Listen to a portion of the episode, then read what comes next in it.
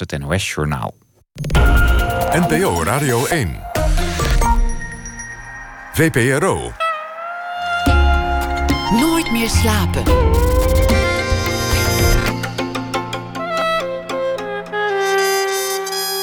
Met Pieter van der Wielen. Goedenacht en welkom bij Nooit meer slapen. In de reeks Made in Europe gaat het vandaag over de vrije vrouw. We praten over de vrouwenbeweging van toen en nu met oud-politica Hedy Dancona. Na ene komt Wendel Jaspers op bezoek. Zij is actrice te zien in Ivanov van Tsjechov in regie van Nina Spijkers. Maar we beginnen komend uur met Bert Wagendorp. Dit is hoe ik het me graag voorstel. Aan de muren van de Volkskrant-redactie, naast een wielerpool en een voetbaltoto en een vergilde foto van Jan Blokker, hangt daar ineens ook een inschrijving voor een nieuwe weddenschap. Wanneer zegt Bert Wagendorp zijn baan op?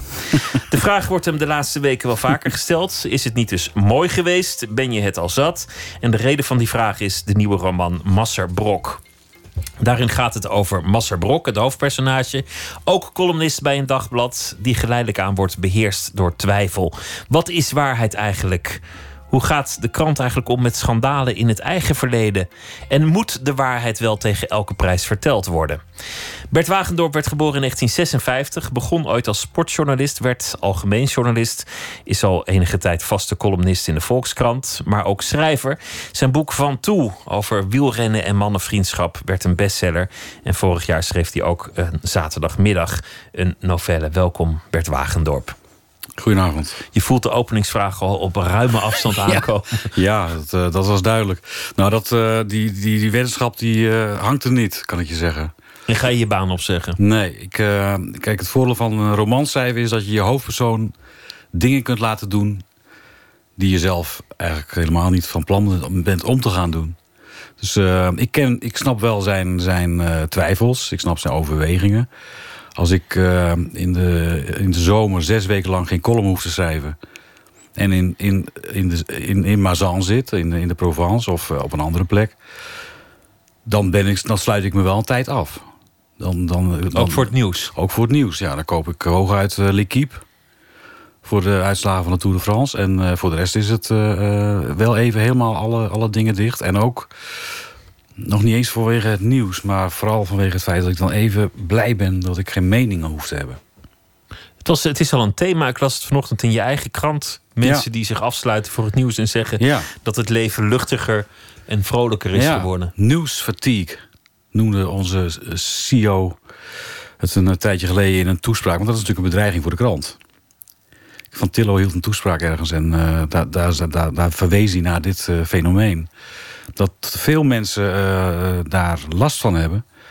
En eh, met name met, met, met, met, grote, even, grote rampen herken ik dat ook wel. Als ik, als ik eh, even terugga naar die aanslagen in Brussel.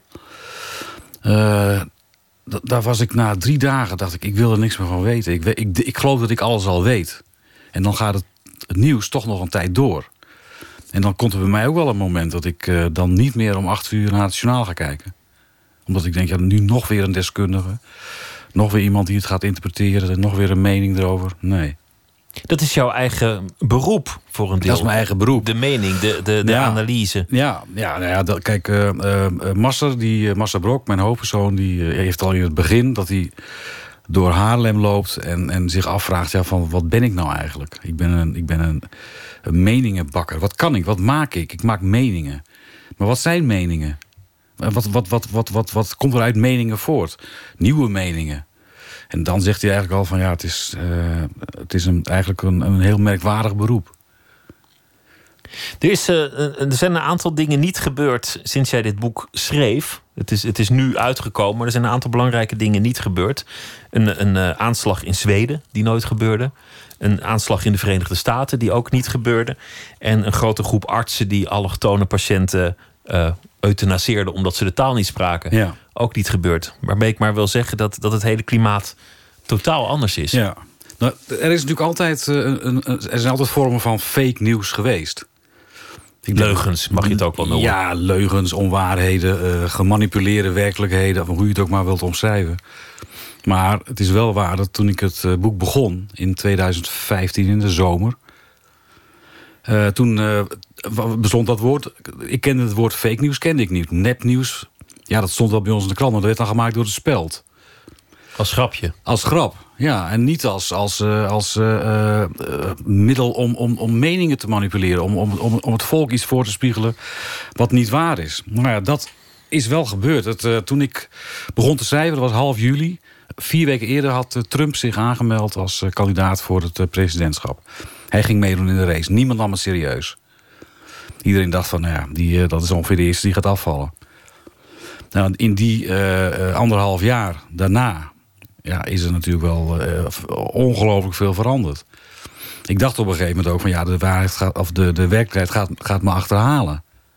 Die man, die, zit, die, massa zit maar te, te, te mijmeren en te piekeren over leugen en waarheid en gemanipuleerde waarheid. Maar de, de, de, de, de werkelijkheid werd steeds die werd sterker dan wat ik in het boek beschreef. Dus op een gegeven moment, in november ging ik met mijn vriendin Wilma naar uh, Parijs om, om een verjaardag te vieren.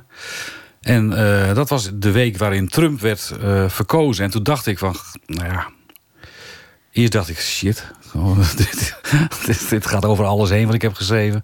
Maar daarna dacht ik van, nee, natuurlijk niet. Dit is een, dit is een goede climax van het boek. Dus ik heb dat hele, die hele, al die dagen die we daar geweest zijn, heb ik, heb ik beschreven. Tot en met het moment waarop Masser naar een kiosk loopt en daar de New York Times ziet liggen met eh, de kop de Trump Triumphs. En dat, ja, dat, dat, dat is eigenlijk de bevestiging van wat hij altijd al dacht. En daarna is het voor hem even genoeg geweest. Ik las een, een, een, vroegere versie van, van het boek. Dat was een, een, ja. ja een, een, privilege dat ik dat, dat wist los te, te peuteren bij je uitgever. En, ja. en de huidige versie, je hebt inderdaad nog, nog, nog flink lopen werken. Ja, op tot, het op het laatst. Tot op het laatst. Ja. Dat is natuurlijk altijd zo bij een boek. Dat je dat je, je, je, eindredactie eh, van, van, de, van de uitgeverij krijgt. En correctie. En het hele, het hele proces van het boek. Ook de details goed krijgen. Maar ik ben, ik ben hier wel tot, uh, tot een paar weken voor, voor, voor de deadline mee bezig geweest om, om dat allemaal goed te krijgen. Om, en om dat op een gegeven moment ja, dat toch naar die realiteit toe te trekken. Terwijl de kern is niet veranderd. De, de, nee, bedoel, nee. het, het, is wat radicaler geworden. Je hebt hier en daar bewijs van grap bijna de actualiteit erin ge, in gefietst. Ja, maar ja. de essentie is niet veranderd. De New York Times, die jij al noemde, die, die beleeft gek genoeg ook een soort glorietijd. Ja, Terwijl ze de, de, de ultieme vijand van Donald Trump zijn. Ja. Uh, door hem echt worden, worden genegeerd als, als Ja. melaatsen. Ja. De oplagen zijn enorm gestegen. En ze adverteren nu ook met... eh, de waarheid is waardevol. Of de waarheid mag wel wat kosten. Of, Of, eh, of truth is it's hard to find. En dat vond ik wel mooi, want dat, daarmee, zit, daar, daarmee bouwen ze ook een soort bescheidenheid in. Hè? Vroeger was het, eh, wij, wij, wij, offreren u de waarheid. Koop deze krant. Maar eh, nu is het toch een, daar is een, eh, de journalistiek is wel veranderd door Trump. Want ze hebben natuurlijk wel tikken gekregen. Wij hebben wel tikken gekregen, moet ik zeggen. Maar tegelijkertijd doet zich de merkwaardige paradox voor... dat eh, die Trump die zo hard tegen die kranten tekeer gaat. En die zo probeert om, om in ieder geval zijn eigen electoraat... tegen die media op te zetten... dat hij het tegendeel bereikt. Als, als het, eh, de, de Washington Post, LA Times, New York Times... ze groeien allemaal als kool. En dat heeft toch te maken met, met, met, ja, met het simpele actie is reactie. Als je, als je zo hard tekeer gaat tegen, tegen media, tegen kranten... dan hebben die kranten maar één keuze. En dat is gewoon eh, eh, eh, terugduwen. De ondertitel van, van de advertentie was ook mooi. Truth is hard to find. En de ondertitel was... maar het helpt wel als duizend mensen voor je zoeken. Ja, nou ja, en, ze hebben er de afgelopen week weer 50 aangenomen. Bij de Washington Post twee- weken geleden al 75. Dus dat kan ook, hè, want ze, ze, ze, verdienen, weer, ze verdienen weer geld. En het is ook zo dat ze eh, ook weten hoe, het, hoe, het, eh, hoe, het, eh, hoe ze het moeten doen nu. En ik denk dat, het, dat dat echt een kentering gaat zijn in de journalistiek. Dat, je, dat de meningenjournalistiek, dat gaat minder worden. En de feitenjournalistiek, de oude feitenjournalistiek, het, het, het, de waarheidsvinding, die gaat weer belangrijk worden. Dat, is, dat staat haaks op wat ze, wat ze tien jaar geleden zeiden. Tien jaar geleden zeiden ze Ja. een krant... dat nieuws dat lees je wel op internet. Dat Ja. hoor je vanzelf al eh, op, op tv. Wij moeten gewoon meningen, achtergronden... Ja, nou ja, dat was omdat nieuws inderdaad zogenaamd... Hè, dat was natuurlijk niet echt gratis. Maar zogenaamd gratis was. En dat was all over the place. Had je het nieuws. Hè, je hoefde maar een nu.nl aan te klikken en je kreeg het voor niks. En daarmee moesten die kranten gaan schuiven in hun handelswaar, zullen we maar zeggen. Dus de- die gingen onder andere, de mening werd belangrijk. En dat, werd- dat werd het, het nieuwe, eh, de, de nieuwe manier om die, om die kranten maar te blijven verkopen. Kranten zijn natuurlijk een commercieel product. En als er dingen in staan die je overal elders gratis kunt krijgen... ja, dan ga je die krant niet meer kopen. Dus die zijn, die zijn, die zijn, dat is verschoven. En ehm, nu zie je toch dat waarheidsvinding en nieuws... dat dat niet zo eenvoudig is als, als we een tijdje gedacht hebben. Dat je heel erg goed moet zoeken.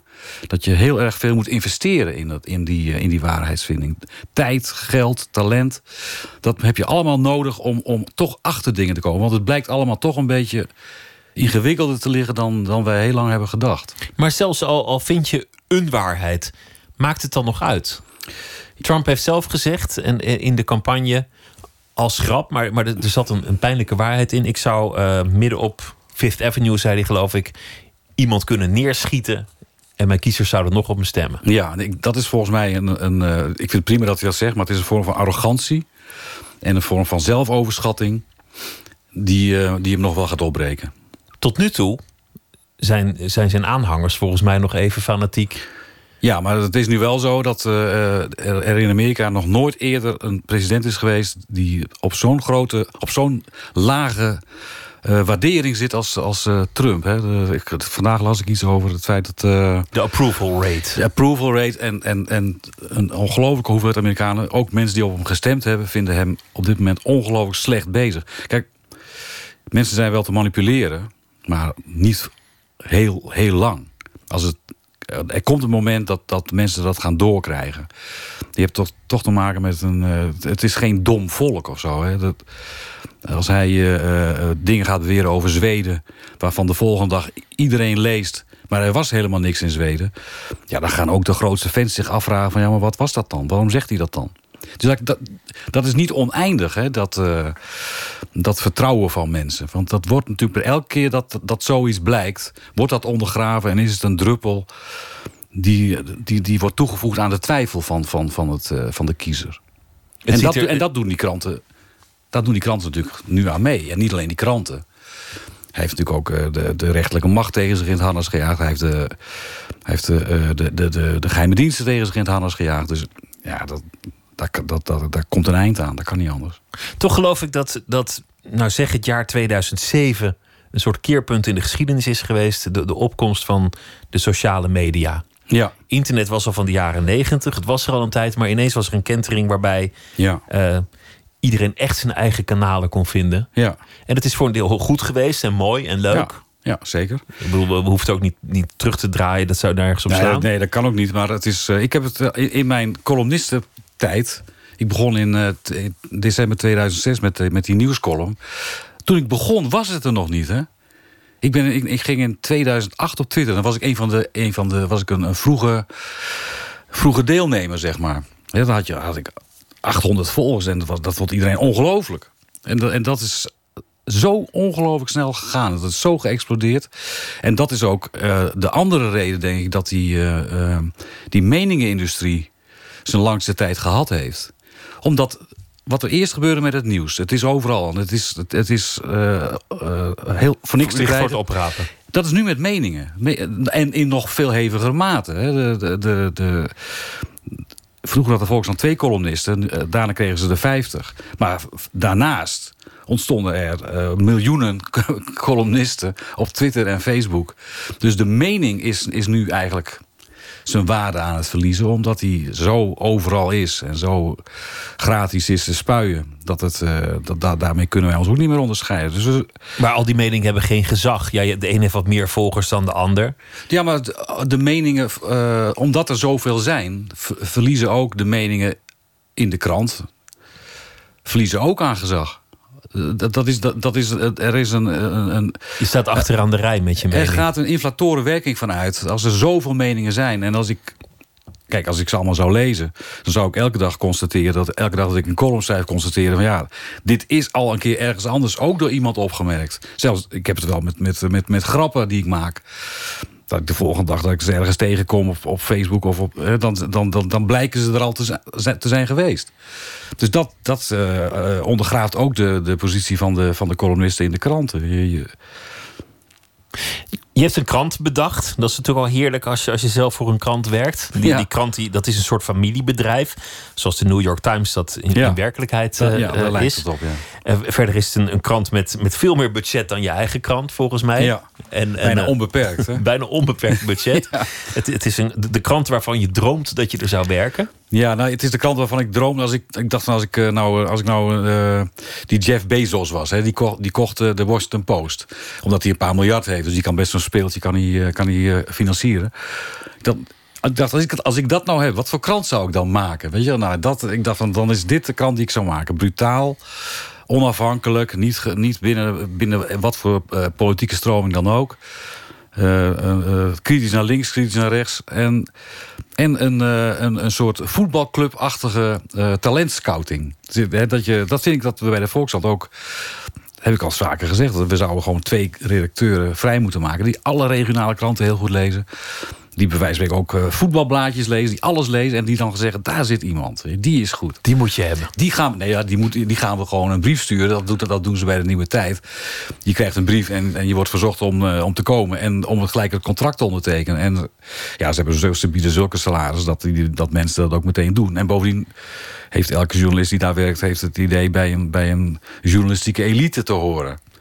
Dus ja, ik dacht van ja, zo'n krant, dat lijkt me wel, eh, lijkt me wel eh, eh, geweldig om, om, om op te zetten.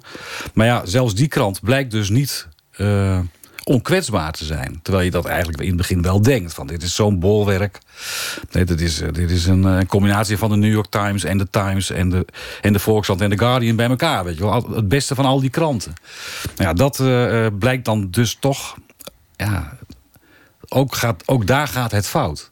Master Brok is een, een, man die tegen een aantal dingen aanloopt in zijn eigen leven. En hij heeft natuurlijk ook een verleden en, eh, en, en een familie en dat soort dingen. Maar hij loopt tegen een aantal dingen aan waar elke journalist volgens mij tegen aanloopt. De eerste is de vraag: ben ik wel een echt journalist? Is het wel echt zo belangrijk voor me? Ja. Ik had zelfs als, als jonge verslaggever kwam ik in een situatie dat ik erop uit was gestuurd om een, om een flutverhaal te maken voor de, voor de radio. En het was ook nog Radio 5. Dus dat zeiden ze ook bij voorbaat. Nee, daar dachten ze zelf heel anders over. En toen, Oh. toen, toen landde een potentiële primeur, wat, wat, wat zeker zo'n zo'n zo'n klein hypeje zou zijn geweest. Ja. De, de Telex zou hebben gehaald in mijn schoot. maar ik wist dat als ik het zou publiceren, dat degene die dat mij per ongeluk had gegeven, zijn baan zou verliezen. Ja. Ik dacht, ja, die arme man. Nou ja, Toen ja, wist ja. ik dat ik eigenlijk niet, niet echt eh Woodward of, eh, of die ander was. Ik heb het ooit meegemaakt met een, eh, een vriend van mij. Die werkte bij een reclamebureau in Groningen. En daar, daar was Lotto, was daar klant. En hij haalde op een gegeven moment een, een fax van de, van, de, van, de, van de telex... of van de fax, van het faxapparaat. Dat was toen nog zo, faxen. En daar stond het compleet uitgelegd... waarom Johan Cruijff in 19, wanneer was het, 92... niet meeging met het Nederlands elftal... eh, naar het WK in Amerika. En dat, dat vertelde hij mij in het café. En de volgende dag zat ik op de krant en ik dacht, nou ja, ik- had niet zo vaak een primeur. Want ik, ik, ik was niet echt zo'n zo'n primeurjager, moet ik eerlijk zeggen. Maar ik denk, nou, dit, ik knal de krant in, weet je. Dus de Volkskrant had de primeur. Waarom ging Johan Cruijff niet mee? Dat had te maken met Lotto. Hij, mocht dat, nou, hij, hij moest Lotto dragen en dat, en dat wilde hij niet. Zoiets was het. De volgende dag werd ik gebeld door, die, door de directeur van het reclamebureau. Hoe wist jij dit? En hij wist dat ik bevriend was met, eh, met die jongen die bij hem werkte. En toen heb ik echt als brugman moeten praten om te voorkomen dat hij echt op staande voet werd ontslagen.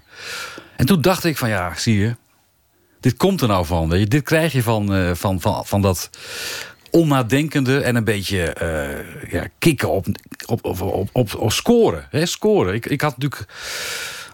eh, ik vond dat ik daar te ver mee ging. Dat ik, dat ik, dat ik zijn baan in de, in de, in de waagschaal stelde voor zo'n. Ja, wat toch eigenlijk ook wel weer, weer een futiliteit was. ook niet, niet Watergate is. Nee, nee. Nou ja, dat. En toen dacht ik hetzelfde als jij. Ik dacht van ja, zie je, ik ben, ik ben ook gewoon niet, niet, niet hard en niet, eh, niet gemeen genoeg om te denken van nou, dan die vriendschap maar weg en dan hij zijn baan maar kwijt. Ik heb een nieuwtje. Nee, nooit gehad.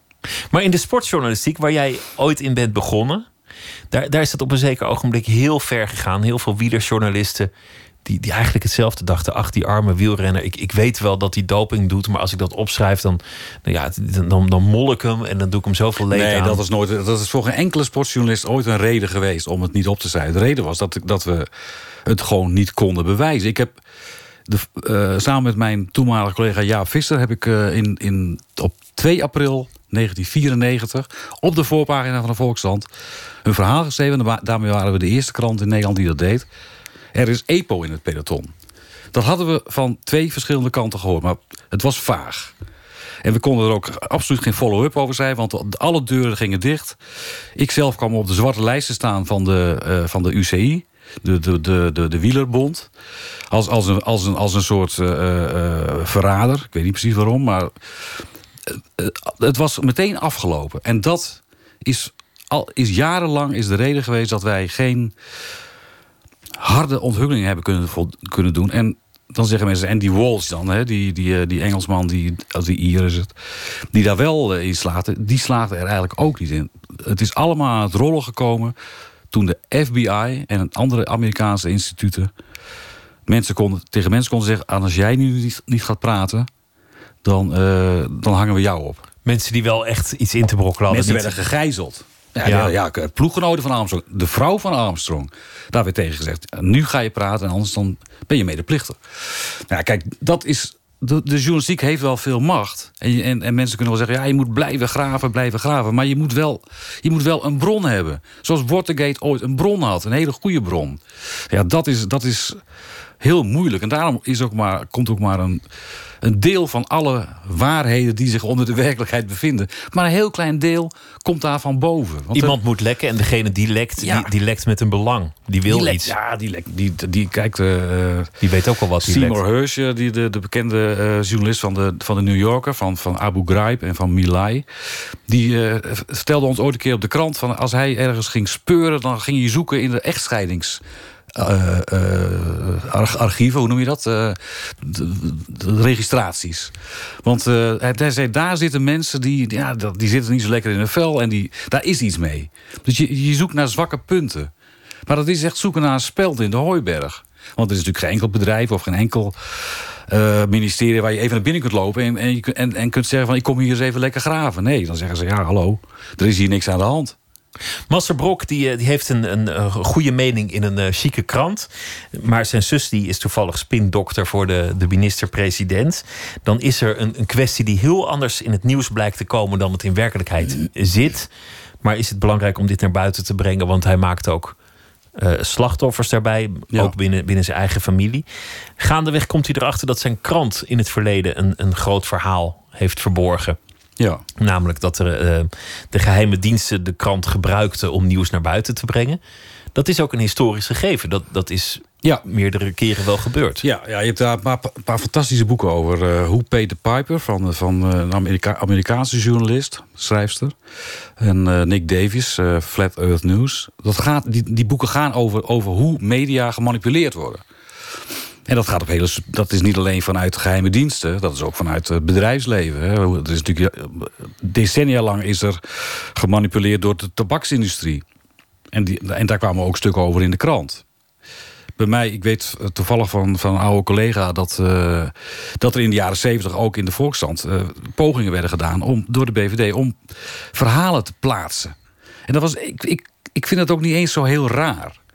Ik, heb zelf, eh, ik liep zelf mee met die demonstraties op het uh, Museumplein. Begin jaren tachtig, met, die, uh, met de SS-20's en de, en, de, en de kruisraketten. Daar, dat was natuurlijk op dat Museumplein ontmoeten Russen en Amerikanen elkaar.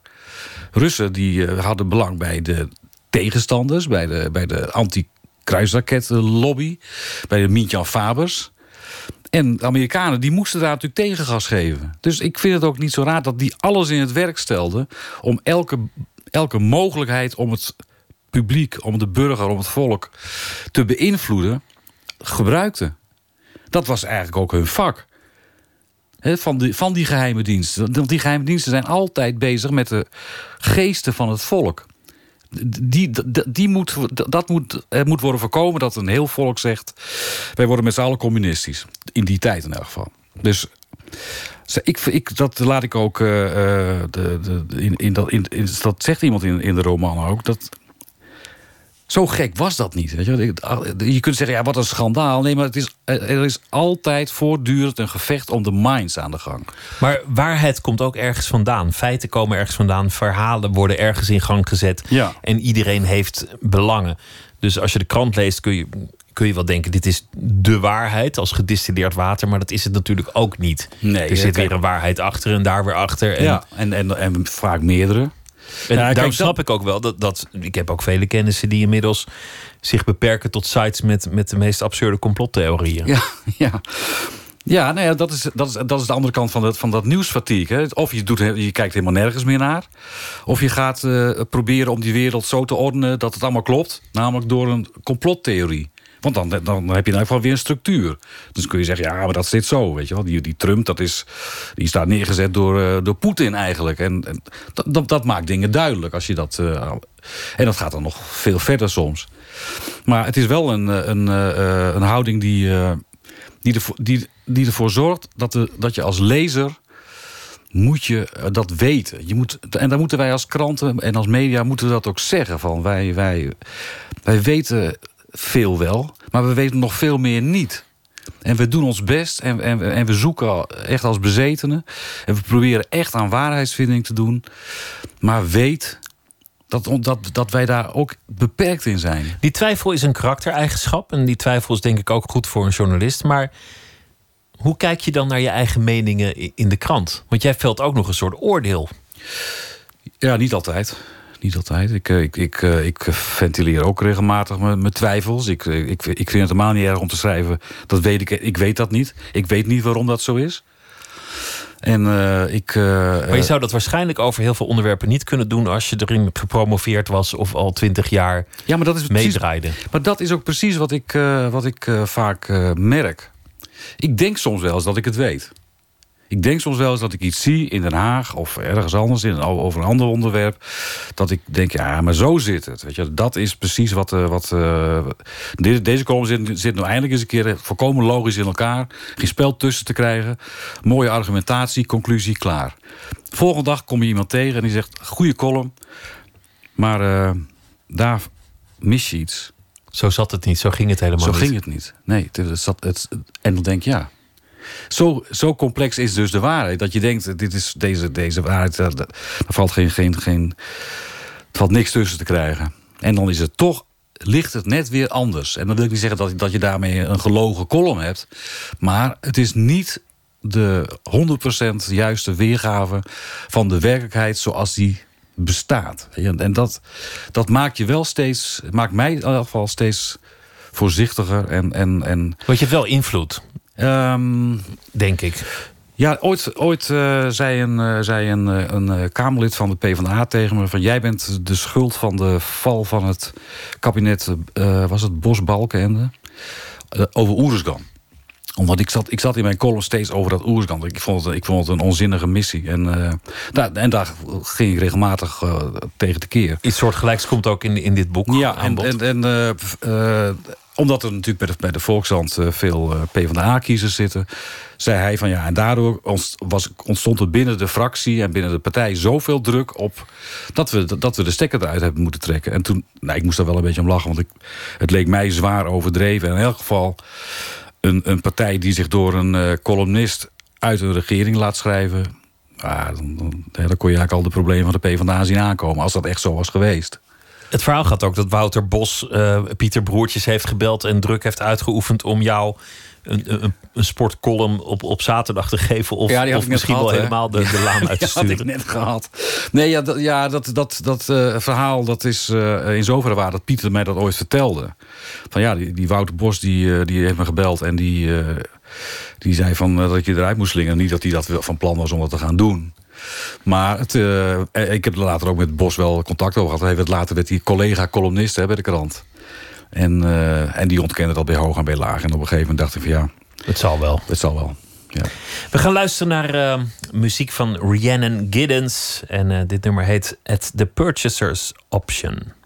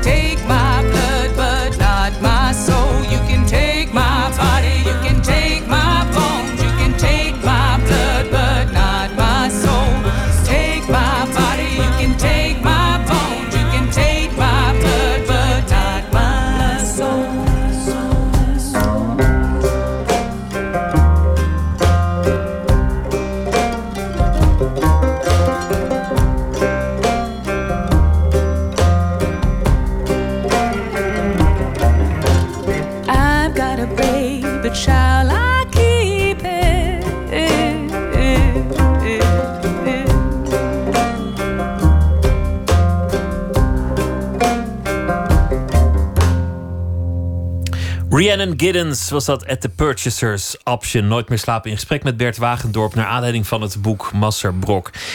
Eén column die je ooit schreef, eh, kreeg je veruit de meeste reacties op. Dat was een, een persoonlijke column die ging over eh, het, het oorlogsverhaal van jouw moeder. Klopt. Dat, dat was... ja, eh, die, die schreef ik, dat was ook omdat ik hem schreef op 4 mei.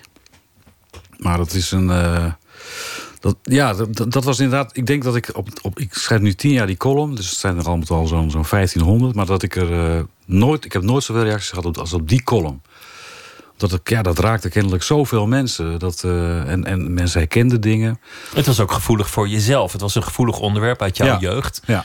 Dat je, dat je aanhaalde. Ja, het was een, eh, een, een, een tragische gebeurtenis die bij ons in de familie ja, natuurlijk tot op de dag van vandaag doorspeelt. Mijn moeder gaat met haar zusje naar, eh, naar de bakker op zaterdagmiddag. En, eh, en- voor ze bij die bakker zijn gaat het luchtalarm.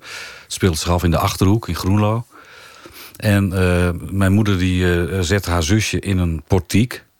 En loopt zelf om het huis heen door een gang... om aan de achterdeur te vragen of ze naar binnen mogen.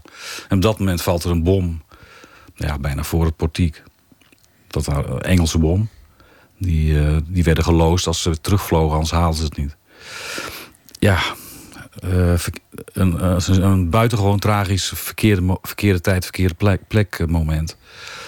Die mijn moeder altijd heeft achtervolgd. En, want die, ja, die was toen, die was toen twa- 11 jaar. Haar zusje was acht. En zij voelde zich natuurlijk schuldig. Want hoewel dat, ja, dat kun je zeggen, nou, dat, dat hoeft niet. Maar het was natuurlijk wel zo. Ze had in haar gevoel toch. Dat zusje mee moeten nemen. ja, of ze had iets anders. Ze, had een verkeerde, verkeerde beslissing genomen. totaal En, eh, irrationeel, want, want ja. ze kon niet weten dat er een bom zou vallen. Nee, dat kon ze niet weten. En misschien, eh, misschien sto- als die bom 10 meter naar links was gevallen, dan was zij dood geweest en dan had het zusje het overleefd. Maar goed, dat is wel een, eh, het, eh, het, eh, het basisverhaal van, eh, van een zaterdagmiddag. Daarin gaat het om, om een broertje. En zo heb je nog wat dingen Ja. eh, eh, veranderd. Het, het, broertje wordt geraakt door de bom op het schoolplein. Terwijl Ja. hij even naar buiten loopt. Mijn opa was, eh, was hoofd van de school in, in Groenlo. Kleine protestantse school. Het mooie vind ik van het gegeven dat het, dat, dat het iets is dat, dat lang voor jouw geboorte gebeurt. Ja. En dat ook in jouw leven altijd aanwezig is geweest. Dat, dat, Ja. dat toch doorwerkt. Ja. De, de, de oom die je nooit had. Nou ja, dat, daar, Of daar- de, daar- de, de, de tante die je ja, nooit daar had. moet ik eh, ook altijd aan denken als je, als je een klein berichtje leest over eh, een bomaanslag ergens in Bagdad of in Damascus. Dan denk ik, oké, daar worden dus daar worden weer een aantal van dit soort drama's geboren. Die eh, voor mij een uur later misschien alweer weg zijn. Maar voor de betrokkenen eh, zullen ze er over 70 jaar nog zijn. Want, want dat zijn herinneringen aan mensen, dat zijn herinneringen aan kinderen. Dat zijn, eh, dus het is een, eigenlijk een, een voortdurend mer à boire van tragedies... dat zich op allerlei plekken in de wereld afspeelt. En dat kan, kan ook een auto-ongeluk zijn of zo. hè. Dat, dat, En het is dan een bericht in de krant. Ja. En, en misschien nog, als, als het zich daarvoor leent, wat, wat meningen erachteraan. ja. Die karavaan trekt verder. Die Ja. zwerm landt morgen op een en, de andere ramp. en, en de mensen die er direct bij betrokken zijn geweest... Ja, die slepen dat de rest van hun leven met zich mee. Mijn moeder eh, nog steeds, die is, die is nu eh, 83. En die, eh, ja, die kan daar eigenlijk nog steeds niet goed over praten. En, eh, en dat, snap ik, dat snap ik ook heel goed. Dat, zijn ding, ja, dat zijn trauma's die zeker in die tijd helemaal niet werden opgevangen. Er was geen psychologische hulpdienst eh, in maart 1945 in Groenlo. Nee, en iedereen had wel wat. Ook dat, hè, die moest door. Ja, mensen hadden het gevoel van ja, dat, we moeten door weer. En dat, en dat was ook zo. Dus je kunt dat ook mensen niet eens kwalijk nemen. Maar, en het heeft, ja, natuurlijk, toen ik geboren werd, was het elf jaar geleden. Dus eigenlijk, eigenlijk eh, was het eigenlijk nog heel recent. Dus eh, de, dat heeft invloed op je, als kind ook. Een moeder die dat heeft meegemaakt. Een moeder die een, een trauma heeft. Ja, dat, daar zeker over, ja. ja. In, in, het, in het boek is de, de, de opa is, is gebroken. Ja. Het leven van die opa is, is in biografische zin voorbij. Ja. Al zijn hoop was gevestigd op dat briljante jongetje in het boek. Ja. Die, die later minstens Nobelprijswinnaar zou worden. ja. En- of een hele goede pianist. maar- Of een hele goede Ja. pianist. Of, of eh, nou ja, topscorer bij Ajax, noem maar op. En het is allemaal, allemaal niet gebeurd. Ja. En je schrijft de piloot, de, de Engelse piloot die de, de bom losliet, heeft het waarschijnlijk nooit geweten. Nee, ik heb dat wel helemaal uitgezocht. eh, wat voor eh squadron het was, waar ze waren opgestegen, waar ze naartoe gingen. Hoe ze allemaal weer terugkwamen. Alle vliegtuigen kwamen ook weer eh, heel huids eh, terug in, eh, in Engeland. En daar heeft dus iemand gezeten, ja, een, een huisvader of misschien iemand die, die nou hij zal nu niet meer leven, maar die nog jarenlang heeft eh, doorgeleefd zonder te weten wat hij eigenlijk aanrichtte. Het, was, het was ook geen, geen oorlogshandeling. De, ze moesten die bommen lozen. En, en ja, vanuit de lucht zie je natuurlijk niet of, of je ze loos in, in, in, in Duitsland... of vijf kilometer over de grens in Nederland. Maar je mocht niet landen met een, met een bom aan boord. Ja, dat, kon, dat, dat, dat kostte te veel brandstof. Dus dan eh, was het... eh, alleen de allerduurste bommen moesten ze meenemen. De rest moest, eh, moest eruit. Ook als ze ze niet hadden kunnen laten vallen op het doelwit in Duitsland. Wat toen niet kon, want het was te mistig. Hoe merkte je dat als, als kind, dat, dat je moeder een, een, trauma had? Of was het niet te merken? Ja, dat kon ik. Nou ja, achteraf wel. Dat- kijk, als kind eh, ken, je, ken je je moeder en weet je hoe, hoe. accepteer je dat ze is zoals ze is. En dat ze snel geëmotioneerd was. En dat, ze, dat er een, een kaartje in de kast lag. met een plasticje eroverheen. waar een paar krullen in zaten. Dat waren de, waren de krullen van haar zusje. Maar dat, dat, dat, dat, en, dan, en vroegen mijn broertje en ik eh, van, wat is dat? En dan, en dan, was, ze, dan was ze weg. Ik weet, niet, ik weet niet waarom ze dat eh, bewaarde. Ik geloof ook niet dat ze het nog heeft.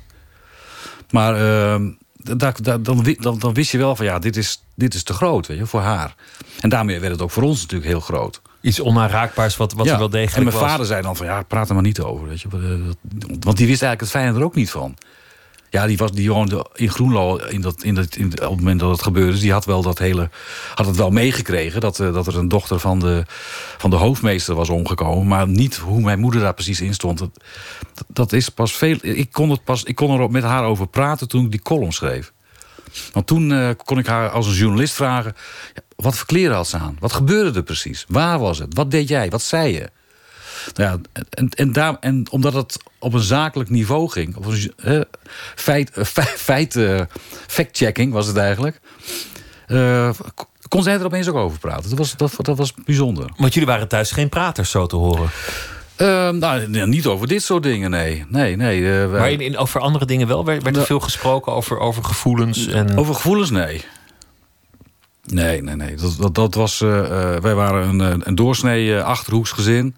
Gelovig? Gelovig, eh, ja, protestants. En, eh, en, en ook echt wel heel erg eh, beleidend. En dat, eh, nee, dat, dat, dat hoorde daar niet direct bij. Nee, mijn, eh, mijn moeder die kwam, eh, eh, die kwam terug van, het, van, de, van, de, van de ramp. En die werd onmiddellijk door, eh, door, mijn, door mijn oma eh, weer naar de bakker gestuurd. Want ze had natuurlijk geen brood op. Ze had het brood niet meegekregen, want, want die bom was gevallen. Nou ja, dat was natuurlijk heel extreem. Maar het, eh, het, eh, eh, het, het- nee, gevoelens en, en, en, en nee, dat, dat, dat, dat, dat, dat, dat- dat- ja, die had je, maar daar, daar hoefde je niet over te praten. Kon je dan bij je ouders terecht met, met, met alles waar jij mee worstelde als, als jonge man? Wat je wilde worden? Nou, er kwam eigenlijk vrij snel, vrij snel een kloof. Mijn ouders hadden alleen, allebei alleen lagere school. En toen ik zelf naar de middelbare school ging... Ja, de- ging ik dingen doen, ging ik dingen denken, ging ik eh, gesprekken voeren.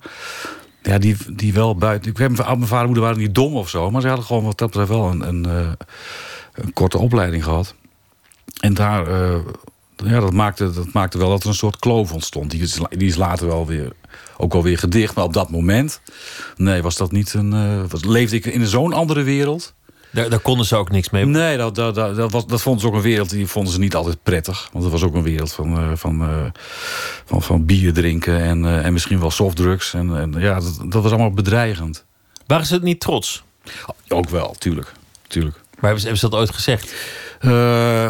Nou, daar heb ik, heb ik al een keer een verhaal over geschreven in, in, de- in de bundel De Dubbele Schaar. En me- toen mijn vader overleed, eh, toen, kwamen, toen kwamen er wel mensen naar me toe van, en toen zeiden ze, hij werd begraven in Groenlo, en zeiden ze op zijn achterhoeks, oh, de man was zo trots.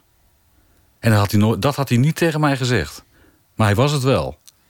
En dat is eigenlijk. Ik vind het wel jammer, hij is nu al, hij is in 2003 overleden. Ik vind het wel jammer dat hij dit boek bijvoorbeeld, dat hij dat, hij dat niet meer meemaakt. Dat hij niet heeft meegemaakt hoe, hoe, wat voor succes eh, van toe werd.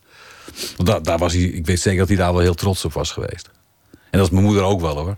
Maar die, die, eh, heeft dat, eh, ja, die zegt dat ook nooit zo heel eh, uitgesproken. Die zegt meer van, hoe is het toch mogelijk? Had ik me echt nooit verwacht. Maar zelf ben je, ben je volgens mij niet veel anders. Want, want bescheidenheid is, is wel een van je, van je wezenlijke kenmerken. Ja, dat wel. Maar eh, ik, ik eh, heb mijn eigen dochter wel anders opgevoed. Die is eh, eh, minder bescheiden dan ik. En dat vind ik ook goed. Je moet je successen wel kunnen Nou, benoemen. moet- en, Ja, als je iets goed, goed, goed doet, dan, eh, dan mag je dat best zeggen. Je moet het niet overdrijven. Maar ik vind wel dat je... Je mag best trots zijn op, op jezelf, op wat je, wat, je, wat je presteert. En het hoeft niet altijd eh, gesmoord te worden in, eh, in, in bescheidenheid. heeft literair succes je leven veranderd? Ja, In welke zin? Nou, dus, kijk, zoiets als, als, als je zoiets overkomt. Nou, sowieso, die column heeft mijn leven veranderd. Want die staat op een prominente plek. Je, je mening doet ertoe. En eh, hoewel ik daar zelf wel vraagtekens bij heb hoor. Want ik denk ook wel eens, ik ben gewoon een hofnar van de Volkskrant. Een soort stand-up comedian die eh, drie keer per week zijn trucje doet. Maar het, eh, dat geeft je toch zelfvertrouwen. En dat, en dat is met, met Van Toe ook gebeurd. Ja, dat, dat, is. Ik, ik, ik vond het vroeger bijvoorbeeld heel moeilijk om bij radio of tv te zitten. Of, of voor een zaaltje uit te leggen wat ik, wat ik deed. En wat ik had gemaakt. Dat vind ik nu, ik vind het nu leuk. Omdat ik denk van het is, het is, ook, het is ook niet slecht. Dus eh, ik. eh, eh, nee, ik- ben wat dat betreft wel. Dat heeft lang geduurd. Maar zo- daardoor een soort, een soort verlegenheid overwonnen. Ja, ja absoluut. Ja. ja, ik was heel verlegen. Je hebt altijd, altijd volgens mij heel hard gewerkt. Want, want zo- zo'n column, ja, je kan zeggen het is een stukje en het is een meningje, maar het is, je moet wel alles bijhouden. En het is ook nog wel echt een dag werk Ja. minstens. Ja. Ik, ik lees het verschil tussen de column van iemand die er een uur aan werkt en iemand die er een dag aan werkt. ja, er zit wel veel... Even na één alinea weet ik dat wel, ja, denk ik. Ja, er zit, er zit wel er zit veel. nou, ik, ik maak me er nooit van af. Ook niet als ik, eh, druk, als ik het druk heb met dingen, met andere dingen. Dan denk ik, al, ik denk altijd, die column is het belangrijkste. Dat, da- daar, dat is mijn. Daarom kan ik al die andere dingen ernaast doen. Maar die column moet goed blijven. Weet je? wel. Als, als, dat, als dat gaat wegzakken. En als daar gemakzucht in gaat, gaat, gaat sluipen. Dan, eh, ja, dan moet ik ermee ophouden. Want eh, dan, dan, dan, dan, dan maak ik misbruik van die positie. Dus ik doe al, ik doe al, ja, ik ben wel eh, zo, ik doe altijd heel erg mijn best. Dat, maar dat doe ik met boeken ook. En, ik, en dat doe ik ook met, als ik ergens een praatje moet houden, dan ga ik niet er naartoe van, eh wat doe ik wel even. Ik bereid het wel voor. Ook voor mijn, voor mijn eigen eh gemoedsrust. Maar ook omdat ik denk, ja, daar zitten straks 50 mensen, 60 mensen, soms zitten er 200. En die hebben allemaal een tientje betaald. Ja, dan moet ik ook wat. Dan moet ik ook wat. Dan kan ik daar niet komen met eh, fluitend en, en gewoon ter plekke wat verzinnen. Want dat, Dat is een soort plichtsbesef. Het is Ja, bijna, ja, bijna een. Calvinistische Ja. eh, houding naar ja, dat vind, ik, dat vind ik ook niet slecht. Maar zit, zit er ook ambitie achter? Ja, tuurlijk. En ijdelheid. Dat zit er allemaal achter. En de ambitie ook om, om, om, om iemand te zijn. Ik kom, ik kom uit een, eh, uit een wat dat betreft, eenvoudig milieu. Dus ik, ik heb me wel omhoog moeten vechten, zeg maar. Vechten tussen aanhalingstekens uiteraard. Eh, dus die ambitie zit er zeker bij om, om, om, eh, om eh, laten we zeggen, eh, gezien te worden. En, en ook, en ook, eh, ook wel de ijdelheid van ja, het is toch wel een ongelooflijk prachtige plek waar ik gewoon drie keer in de week in, in, in, in, in een geweldige krant een stuk mag schrijven. Maar misschien had je opa dat ook wel op, op, op zijn manier, dat hoofdonderwijzer Oh, in, die gemeente, dat dat, dat dat ook al een, een, een soort horizon was geweest. Ja, ik heb open nog wel meegemaakt en ik heb ook nog bij op school gezeten. En eh, wat ik in een zaterdagmiddag zei over zijn zoon, had hij wel met mij. Hij zag wel dat ik een, eh, dat ik een slim jongetje was. En hij had, dacht wel van. eh, ik weet zeker dat hij dat ook wel heeft. Zijn eigen eenvoudige afkomst uit de Betuwe. Gewoon een, een arbeidersgezin. Hij was de, de jongste zoon, mocht naar de, de kweekschool in Nijmegen. En ontworstelde zich zo een beetje aan dat milieu.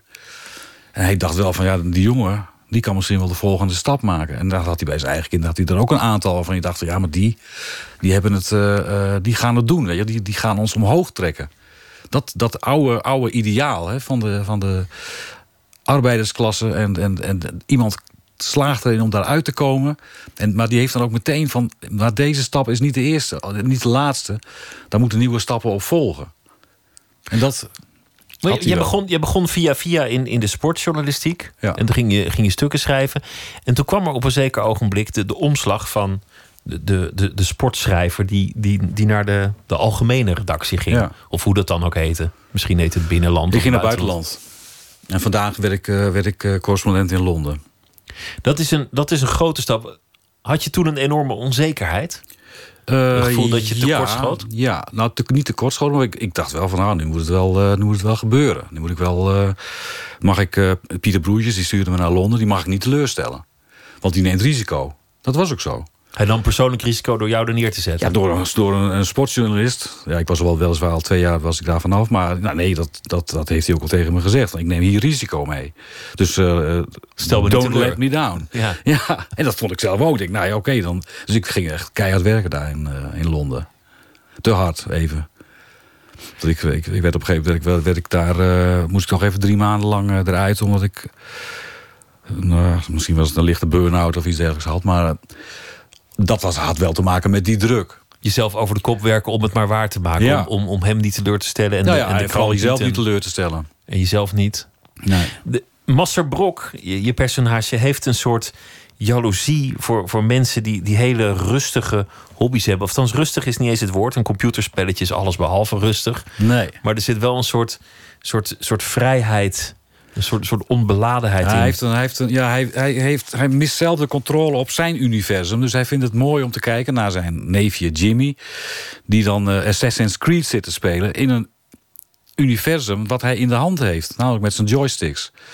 En daar kan doen wat hij, eh, in ieder geval controle uitoefent. En daarom is hij ook, die Jimmy is ook een, een gepassioneerde eh horlogeliefhebber, niet alleen, maar hij maakt ze zelf. Hij, is, hij wil een exclusief horloge bouwen. En dat, eh, kijkt hij, daar kijkt die master ook met jaloezie naar. Want die denkt van ja, die jongen, dat kleine universumtje van dat horloge, dat heeft hij totaal in de vingers. Hij, hij weet precies wat daar gebeurt. En hij weet precies als het ding het niet doet, dan weet hij precies, dan moet ik dat en dat tandrad moet ik, eh, moet ik, moet ik veranderen. Overzichtelijke wereld natuurlijk. Maar, wel, maar ook oneindig gecompliceerd. Want ik ben, ik ben bij een jongen geweest in Dokkum. eh, Die, die maakt, eh, Van de Gang heet hij. En die maken, die maken die exclusieve horloges. En eh, ja, die, die, die maakt dan een horloge waarmee die het, het, het- de kalender loopt door tot 2499. Dus, en dan moet hij dus een, een klein tandwieltje in hebben zitten... Waar, wat 99 tandjes heeft. En één tandje wat een, wat een honderdste millimeter langer is. En dat net een ander tandwieltje aantikt op 31 december 2099. Want dan, gaat het, dan moet hij naar de 21ste eeuw. En dat is mechanisch. Dat is, daar zit niks digitaal in. Dat is een veer. En dat is een... Ja, de, de, Prachtig. Maar dat, dat is, er zijn ook, geloof ik, klokken waar mensen maanden aan werken. Ja, maar dat, dat, is dit ook. De, de- deze, eh, die, die, de, Jimmy, de, de jongen, die heeft het eh, eh, van zijn overgrootvader, André Genovesi, die een, een, een, een, een horloge-importeur is van exclusieve merken. En die zegt van ja, dit is een van de grootste overwinningen die de mensheid ooit heeft geboekt. Dat je dat in zo'n klein dingetje hebt kunnen krijgen, waarmee je de tijd vastlegt. Dat is iets ongelooflijks. En als je je daarin gaat verdiepen. En ik heb veel met die jongen gepraat daar in Dokkum. En boeken gelezen. En dat is, het is ook echt iets ongelooflijks. Dat we dat voor elkaar hebben gekregen. Dat is het begin van de renaissance. Dat, dat, dat er ineens tijd was. ja, En, en dat afleesbaar. is ons ook wel opgebroken natuurlijk. uiteindelijk. maar zit, zit daar ook van jezelf een soort, soort verlangen in? Eh, eh, Ja. Verlangen naar de, naar de mensen die niet eh, proberen greep te krijgen op iets waar ze nooit greep op krijgen. De mensen die niet de hele dag bevangen worden door twijfel Nou, en, en druk. We, we hebben in ons appartement hebben we een, een, zo'n cir- zo'n zo'n trap gemaakt. Zo'n die- zo'n ronddraaiende trap laten maken. Door een jongen uit Utrecht. Die, is, die, die, die doet, maakt alleen maar trappen. En dit is een, een imitatie van de, van de Nicolaikerk. Een, een trap. En dat is zo'n schitterend stuk werk. Dat heeft hij zo ongelooflijk knap gedaan. En hij... hij eh, eh, ik heb hem bijvoorbeeld nooit met, met allerlei hele ingewikkelde apparaatjes zien, op, zien meten. En dat ding, dat landt op de, op de tiende millimeter goed. Weet je? En, en die, die draai is precies goed. En dat heeft hij helemaal gemaakt uit eikenhout. Met echt helemaal op de oude manier. Ja, daar heb ik diepe bewondering voor. Want dan denk, dan Maar- denk ik, ja, die man kan wat. Weet je? Maar zo'n column is toch ook ambacht? Die is ook in zeker, dat is ook zo. Ik moet mezelf dat, wat dat betreft ook niet te veel naar beneden. Naar beneden. Zo'n column is ambacht. Als je de 1500 hebt gemaakt, weet je wel hoe je dingen moet opbouwen. Hoe je een grap erin kunt bouwen zonder dat, dat die meteen te veel afleidt. En dat geldt voor zo'n boek ook. Dat, dat is ook wel. Schrijven is ook een heel ambachtelijk vak. Mijn dochter zit op de schrijversvakschool.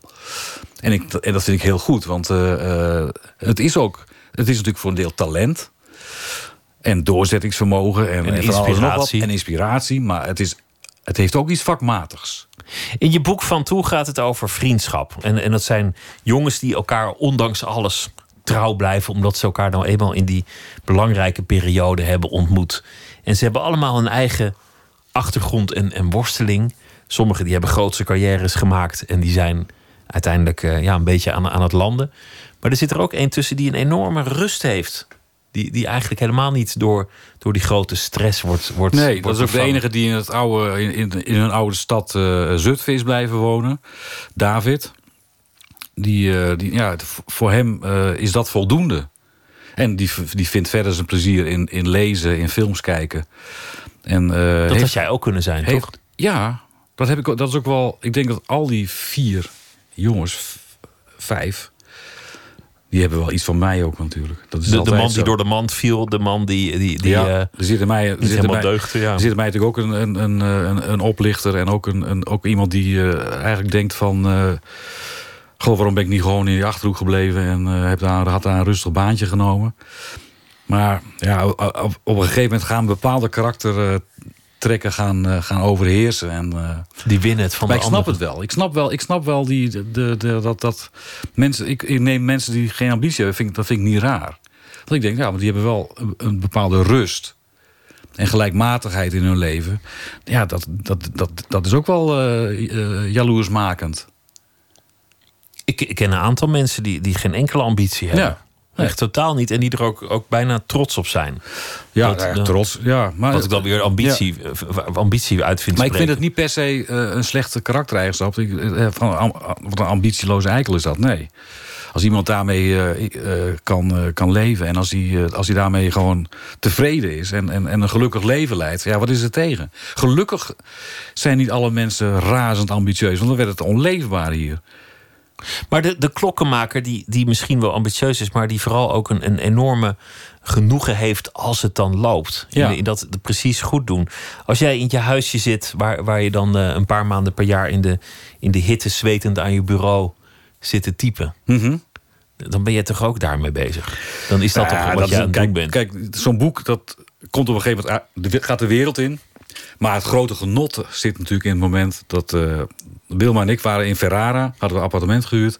Zij zat te tikken aan haar boek over stress en ik zat, het boek aan, zat te tikken aan uh, over, over, over, over Master Brok. En ik, ik vond het echt de allermooiste zomer die ik ooit heb meegemaakt. Allebei rustig typend. Rust, ja. En, da en even, daarna even goed lunchen. En dan misschien smiddags nog even wat doen. En dan s'avonds lekker eten. Of een boek lezen of wat dan ook. Maar ja, ik dacht, ja, dit, dit, zo wil ik altijd wel leven. En, dan, en dan, dat is omdat je geconcentreerd bent op één ding. Uh, en uh, omdat je, uh, je, wordt niet zo, je wordt niet zo afgeleid met allerlei, allerlei toestanden. En het is een, het is, ja, het is een, soort bijna meditatieve manier van, van, van leven even. Het, is heel, heel, het leven is heel helder, heel duidelijk. Je zit daar en, uh, en, en, we kunnen dat voor elkaar goed verdragen. Dus er zijn mensen die zeggen, hoe kun je dat met iemand naast je? Nou, dat uh, kunnen we allebei heel goed. Ik denk, ja, dit is, toch, dit is wel fantastisch. En, en dat, dus in het schrijven zit het grote plezier voor mij. Dit hoort er allemaal bij en dat vind ik ook niet erg.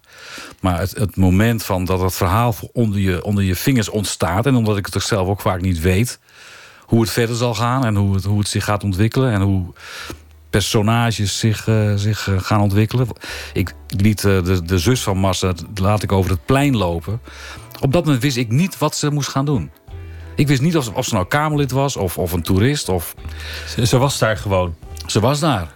En, en op een gegeven moment dacht ik, nee, ze is de speechschrijver van de premier. En daarmee maakte ook de premier zijn entree in het boek. Maar dat had ik niet van tevoren bedacht. Het boek heet uh, Masserbrok. Bert Wagendorp, dank je wel. Het was uh, leuk om, om je hier weer te mogen ontvangen. Dank je wel. Graag gedaan. We gaan zo meteen verder met uh, Nooit meer slapen. Gaat het onder meer over uh, feminisme. En Alma Matthijs heeft een verhaal bij de dag. Twitter, het VPRO NMS. En we zitten ook op Facebook.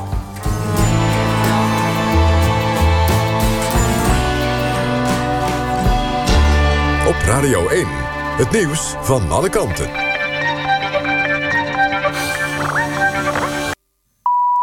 Eén uur, Christian Bonenbakker met het NOS Journaal.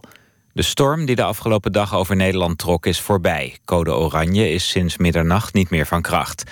Tot ernstige ongelukken heeft de storm niet geleid. Wel hadden de hulpdiensten het druk met kleinere incidenten. Er kwamen ruim 1200 meldingen van stormschade binnen. Op Schiphol was het vliegverkeer ontregeld. Veel vluchten liepen vertraging op en 175 vluchten werden geannuleerd. Een toestel van de Britse maatschappij Flybe zakte bij een scheve landing door zijn rechterlandingsgestel. Maar het is niet zeker of dat door de storm kwam. Naar verwachting is het vliegverkeer de komende dag weer normaal. Boeren brengen dit jaar meer melkkoeien naar de slacht. Ze krijgen daarvoor sinds januari een vergoeding van de overheid. In de eerste zeven weken van het jaar zijn ongeveer 108.000 koeien geslacht. Bijna 25.000 meer dan in dezelfde periode vorig jaar. De overheid probeert met verschillende maatregelen het aantal melkkoeien te verkleinen. In de mest van de koeien zitten fosfaten die in de bodem en het grondwater terechtkomen. En dat is slecht voor planten en vissen. Nederland overschrijdt daarmee de Europese normen. Op Curaçao is een parlementariër gearresteerd nadat ze tijdens een vergadering een collega hard in haar gezicht had geslagen. De dader is Jacinta Constantia, lid van de partij van oud-premier Schotten. Ze was kort daarvoor door de andere politica bekritiseerd... omdat ze verdachte is in een fraudezaak. Daarop liep ze naar haar rivale toe en gaf haar een klap. Ook krapte ze haar in haar gezicht. De situatie in de Curaçaose politiek is gespannen... na de val van het kabinet Koeiman. Er zijn nieuwe verkiezingen uitgeschreven... maar oud-premier Schotten verzet zich daartegen. Hij wil een regering vormen op basis van het huidige parlement. Het weer. Vanuit het westen neemt de wind geleidelijk af en van tijd tot tijd regent het. Overdag zonnige periode, maar vooral in het zuiden kan ook een bui vallen. Het wordt dan ongeveer 7 graden. Zaterdag gaat het weer regenen en is het 8 graden. En zondag trekt de regen weg en dan breekt smiddags de zon soms door. Dit was het NOS Journaal. NPO Radio 1. VPRO. Nooit meer slapen.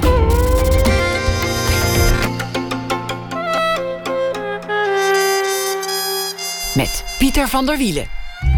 De reeks Made in Europe. Dimitri Verhulst die reist door Europa in de voetsporen van het boek van Pieter Steins op zoek naar wat ons cultureel verbindt.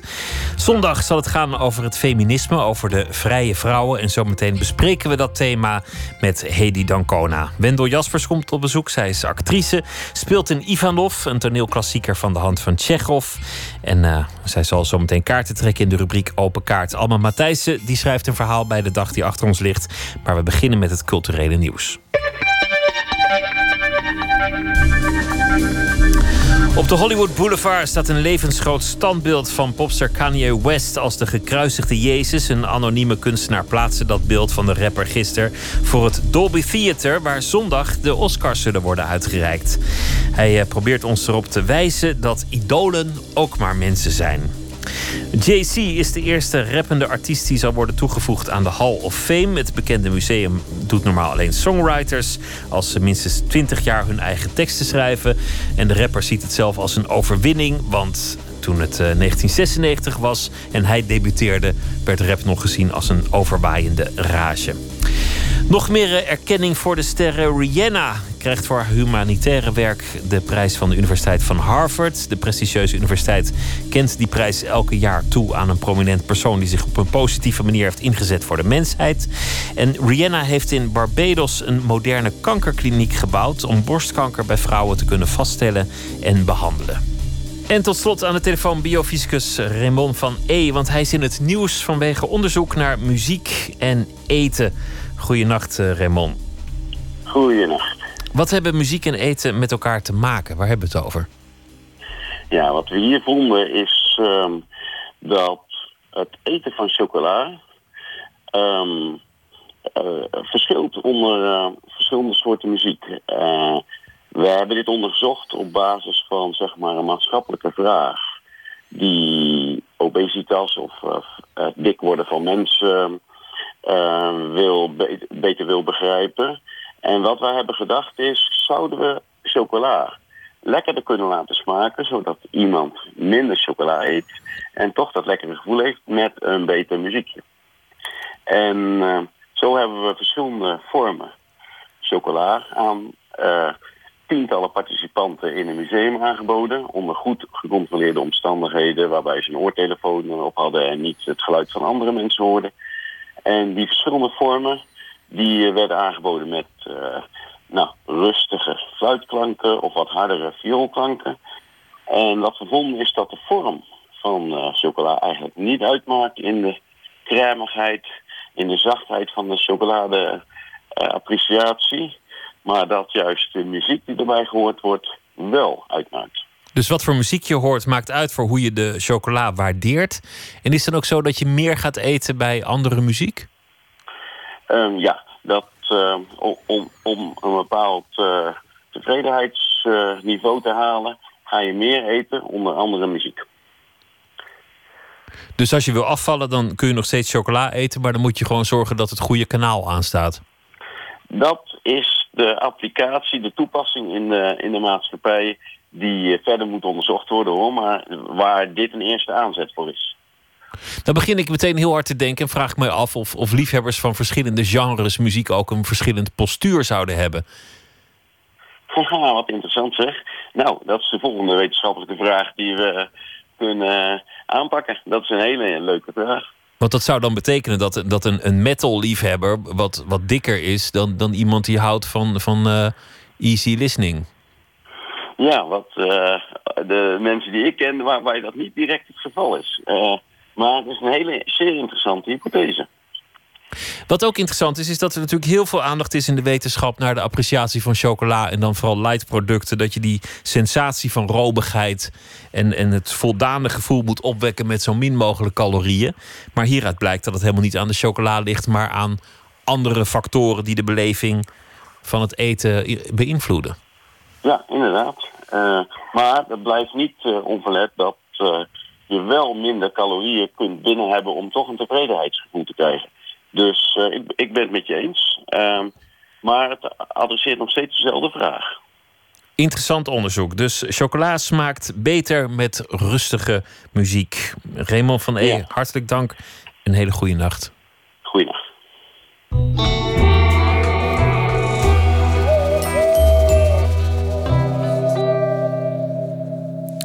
Alan Jewel is een uh, Amerikaanse singer-songwriter en dit nummer heet I Remember You.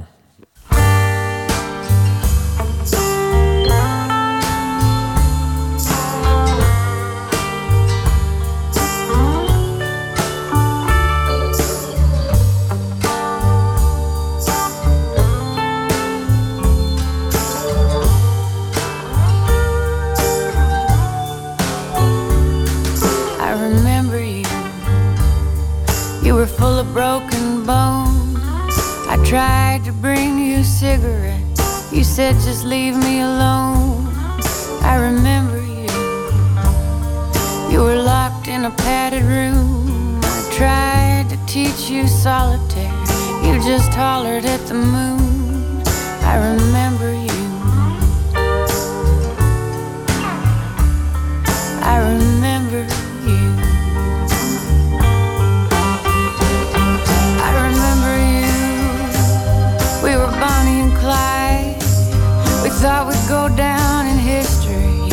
guess we changed our minds.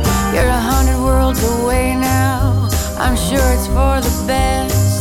You're practically a stranger now. But you stand out from the rest. Cause I remember you. I remember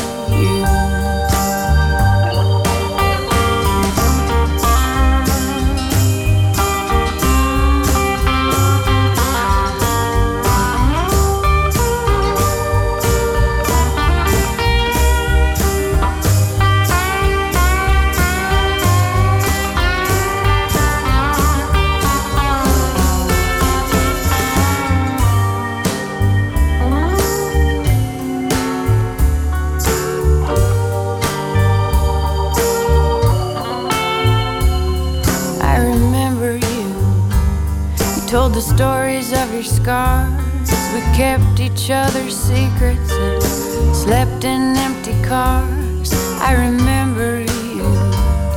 I showed you how to kiss. I let you shoot my hats off. Cause I knew you wouldn't miss.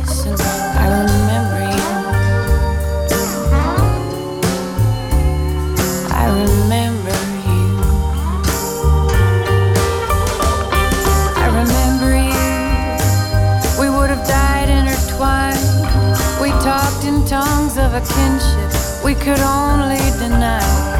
Now you think you're anonymous, a masked face without a name.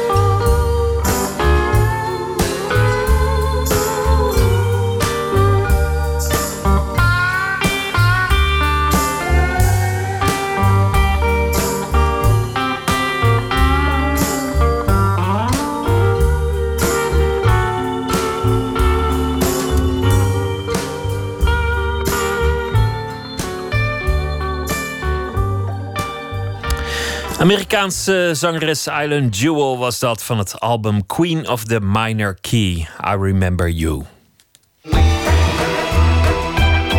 Nooit meer slapen. In de reeks Made in Europe gaat eh, Dimitri Verhulst op zoek naar uh, de Europese ziel. Elke week een thema. Het is uh, gebaseerd op het boek van Pieter Steins. En uh, wij volgen hem in die reis en zoeken een ambassadeur om het thema met ons te bespreken.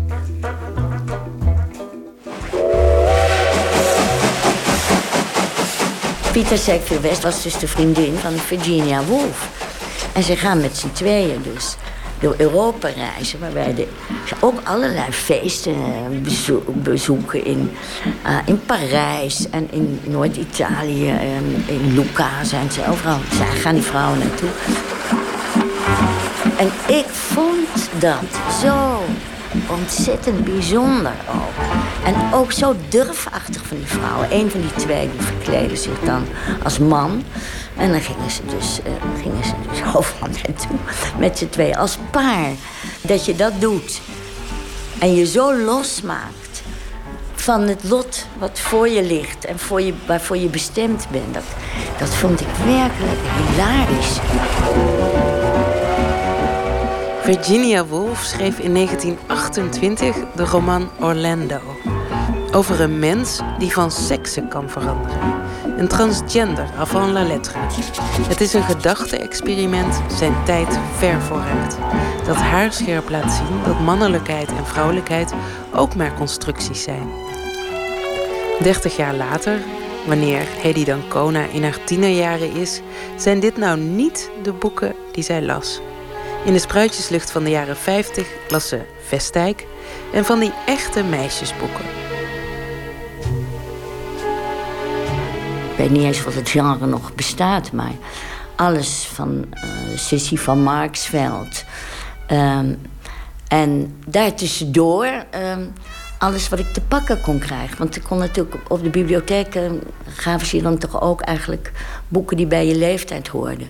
Het vrouwbeeld in die, die meisjesboeken, was dat iets waar je je aan kon op, optrekken? Waren dat rolmodellen? Nee, helemaal niet. Dus dat was ik, en dat zag ik eigenlijk ook wel, want dat ik het nogal te terug vond allemaal. En toch eigenlijk wel erop gericht om uh, aan de man te geraken. De wereld uit die boeken zag Dancona niet weerspiegeld in haar eigen gezinssituatie. Haar vader was in de oorlog afgevoerd naar Auschwitz en overleefde dat niet. De tweede man van haar moeder, haar stiefvader, overleed ook jong. En zo kwam het dat Hedy opgroeide als kind van een alleenstaande moeder. En dat doet iets met je wereldbeeld. Daarvan heb, ik dus wel overgehouden dat het heel gewoon is om als vrouw alleen uh, de kosten verdienen en kinderen op te voeden. Maar tegelijkertijd dat het toch wel een stuk uh, comfortabeler is als je een goede opleiding en een goed betaalde baan hebt. Want mijn moeder had altijd baantjes. Dancona ontwikkelde zich tot een voor die tijd onafhankelijke vrouw. Ze ging studeren, ze kreeg een goede baan, een man die dat helemaal oké vond, een kind en een kindermeisje dat daarvoor zorgde. Want kinderopvang was er per slot van rekening nog niet. Het was allemaal zo gewoon voor haar dat ze er pas later achter kwam dat er ook nog een strijd te voeren viel. Toen was ik toch al dertig of zo en had inderdaad in ieder geval één kind. Dat ik toen toch ineens begon te denken hoe achterlijk het was dat ik door de mazen van het net heen eh, was gekomen. En een heleboel vriendinnen van mij niet, al was het maar omdat ze uh, onverwacht, vaak ook ongewenst zwanger werden. Want er, was geen pil. Het essay Het onbehagen van de vrouw van Joke Kool-Smit verschijnt. En samen met haar richt Ancona Man-Vrouw Maatschappij op. En een paar jaar later het radicaal feministische tijdschrift Opzij. In de vrouwenbeweging werd gezocht naar voorbeelden. En in het rijtje inspiratiebronnen kan Simone de Beauvoir natuurlijk niet missen. Uh, die deuxième sex van, van Simone de Beauvoir, dat dat, ik geloof, in 46 al uitkwam. Hè. We waren nog kleuters toen zij dat schreef. Het is ook pas laat in de Nederlandse vertaling gekomen. Maar wij, ja, voor ons was het natuurlijk... Het, was, het moest gelezen worden. Betty Friedan natuurlijk uit Amerika. Hè, die, die ons toch wel genoeg munitie in de handen. Me te denken dat niet wij uh, nou stapelgek waren om, die, om te zien hoe die vrouwen eronder werden gehouden. Maar dat dat dus door zulke grote denksters als Simone de Beauvoir... Um, al veel, vele, vele jaren eerder was waargenomen. Kunst kan je van munitie voorzien. En kunst kan het denken veranderen. Ik vroeg Dancona naar voorbeelden van kunstenaars, schrijvers en filmmakers die het denken over vrouw zijn hebben beïnvloed. Voor ons op tafel ligt een notitieblokje vol met in zwierige letters geschreven namen van vrouwelijke kunstenaars. Dat, uh, als je het hebt over de uh, vrouwen die, uh, die erin geslaagd zijn, dat heel, als kunstenaar. Nog voordat de vrouwenbeweging ehm, opkwam. En dan op, op het Europese niveau uh, zo'n indruk te maken en vernieuwend te zijn. Een heel ander soort vrouwbeeld. Uh, dan is dat dus wel uh, Pina Bausch bijvoorbeeld geweest. Ja, dus de, de dans, de choreografie. Ja, de choreografie. en dat, er, dat vrouwen niet meer alleen in een tutu en op spitsen... Ehm, en met voorgeschreven maten... En in hele specifieke droomrollen natuurlijk wel, van prachtige ballerina's. Maar Pina Bausch, die bedacht balletten waarin uh, ook de geschiedenis en de, zienswijze van vrouwen... die zij daarop ook bevroeg, tot, tot uiting werden gebracht. En op blote voeten werd er gedanst. En je hoefde niet allemaal maat 4 of 36 te hebben.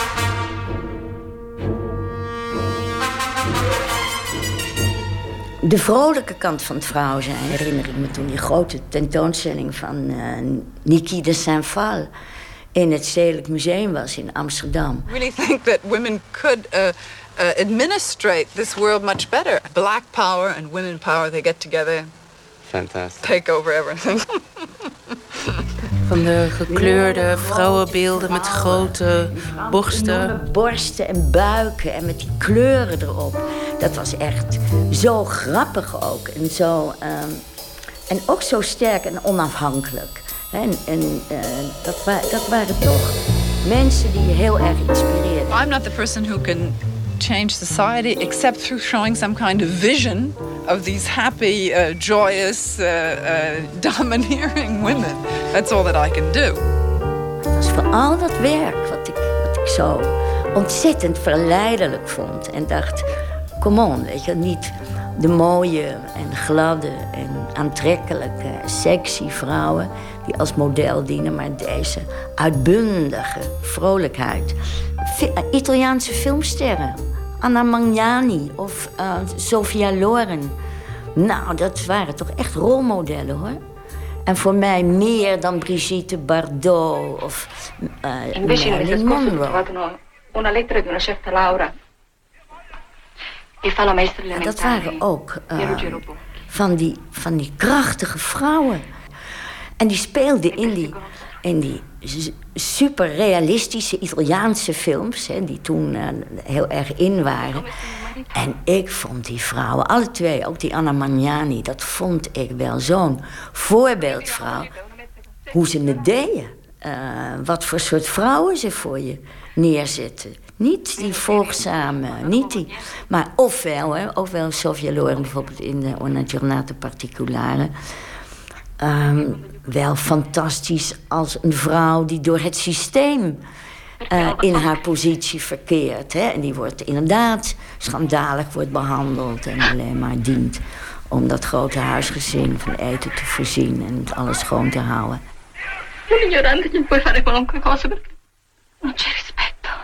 We moeten ook wat eer aan die mannen geven, want die mannen regisseerden die vrouwen in die films. Sure, ja.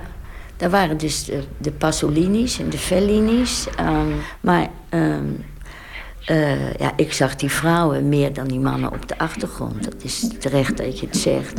Maar ik gaf dus de eer. Ah ja, ik voelde me natuurlijk, um, laat ik zeggen, verbonden met die vrouwen. Wegens niet eeuwig, leef hevig, de kinken in je ketens. Kruip uit je huid, val je kleur af, je herkomst, je geslacht.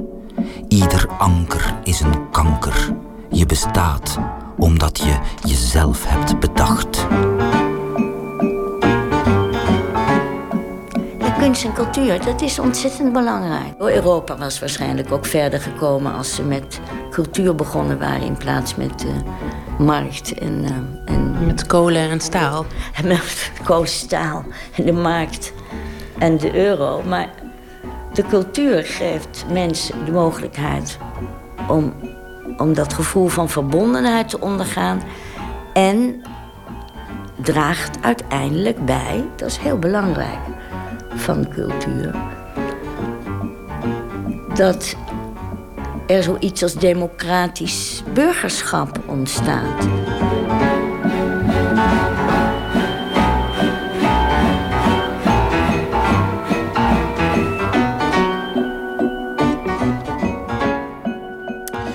En Nicolaou in gesprek met Hedy Dancona... naar aanleiding van de reeks Made in Europe. Komende zondag om kwart over acht op NPO 2... het derde deel over de vrije vrouwen. Zanger Mark Lanigan heeft een eh, bijzondere staat van dienst. Werkte samen met Kurt Cobain, Pearl Jam en Queens of the Stone Age... maar bracht ook onder eigen naam eh, albums uit. Dit nummer heet Mac the Knife.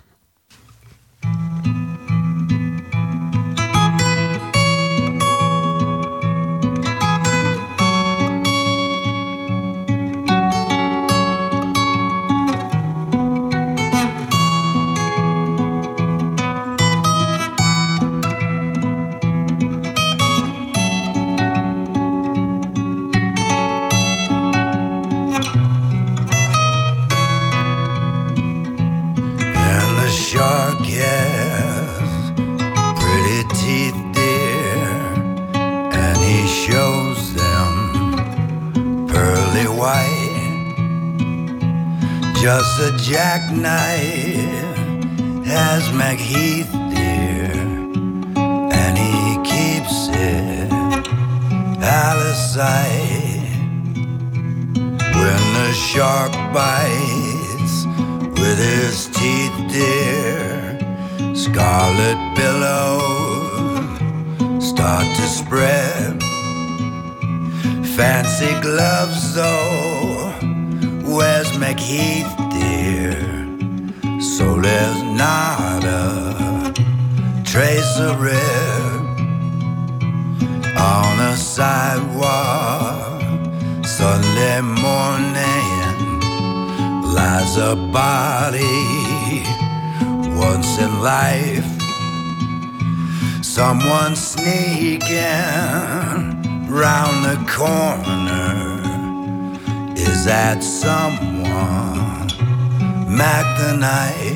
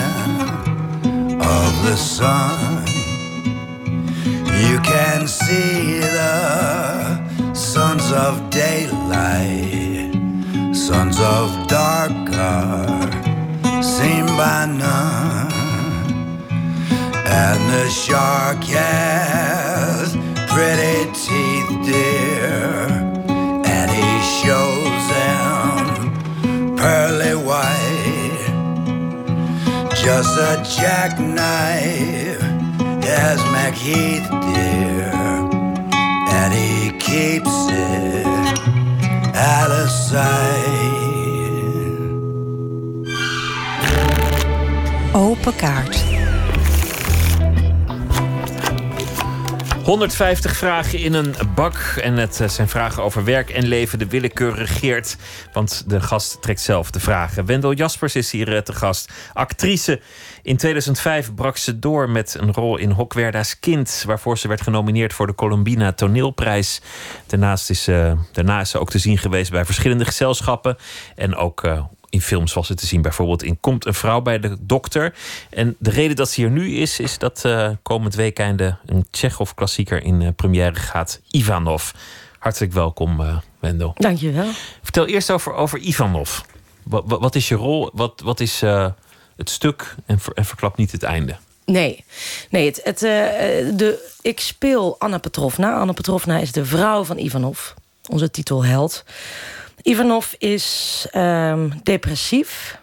Tenminste, dat is de stempel die wij er met onze kennis van nu op plakken. In die tijd, um, volgens mij is het geschreven in 1886. Um, was het, werd het neerslachtig genoemd, droevig, dat soort dingen. En wij hebben daar, ja, wij zijn er nu mee aan de slag gegaan. En wij noemen dat nu dan depressief. En Anna Petrovna is ziek begint al lekker, hè? Dit, dit ja. stukje, iedereen is ziek. Uh, zij heeft TBC. En um, uh, zij, het huwelijk gaat uh, door, door zijn neerslachtigheid al een tijdje niet goed. En zij probeert eigenlijk van alle kanten er nog wat van te maken. En juist de levensvatbaarheid van hun relatie en het leven... juist nieuw, ja, daar de ruimte voor te geven. Dus ik speel zijn vrouw. En ondanks dat ik ziek ben, doodziek blijkt... Um, uh, probeert zij juist de, voor het leven te zorgen. Ze probeert vanuit dit toch wat droevige vertrekpunt het leven toch nog uh, een, een zetje in de rug te geven. Ja, juist. Als verzet tegen misschien het onvermijdelijke. Je bent uh, geboren in Afrika, maar dat kwam omdat je vader landbouwtechnisch ingenieur was. Yes. Daarom heb je ook in Wageningen gewoond, want, want daar wonen landbouwtechnisch ingenieurs als ze in de buurt van de opleiding ja. wonen. Je hebt ook op andere plekken gewoond. Ja. Wat heeft dat je meegegeven om op, op meerdere plekken te wonen in de wereld?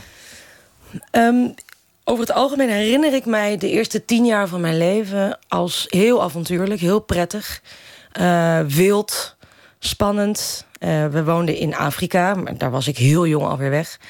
Indonesië, twee maal. Eén keer in Burundi, keer, of één keer in Samarang en één keer in Bandung. En in Haiti. Dus dat is steeds twee, drie jaar ergens uh, neergestreken. En de laatste drie jaar was Bandung. En dat was de internationale school. Engels sprekend.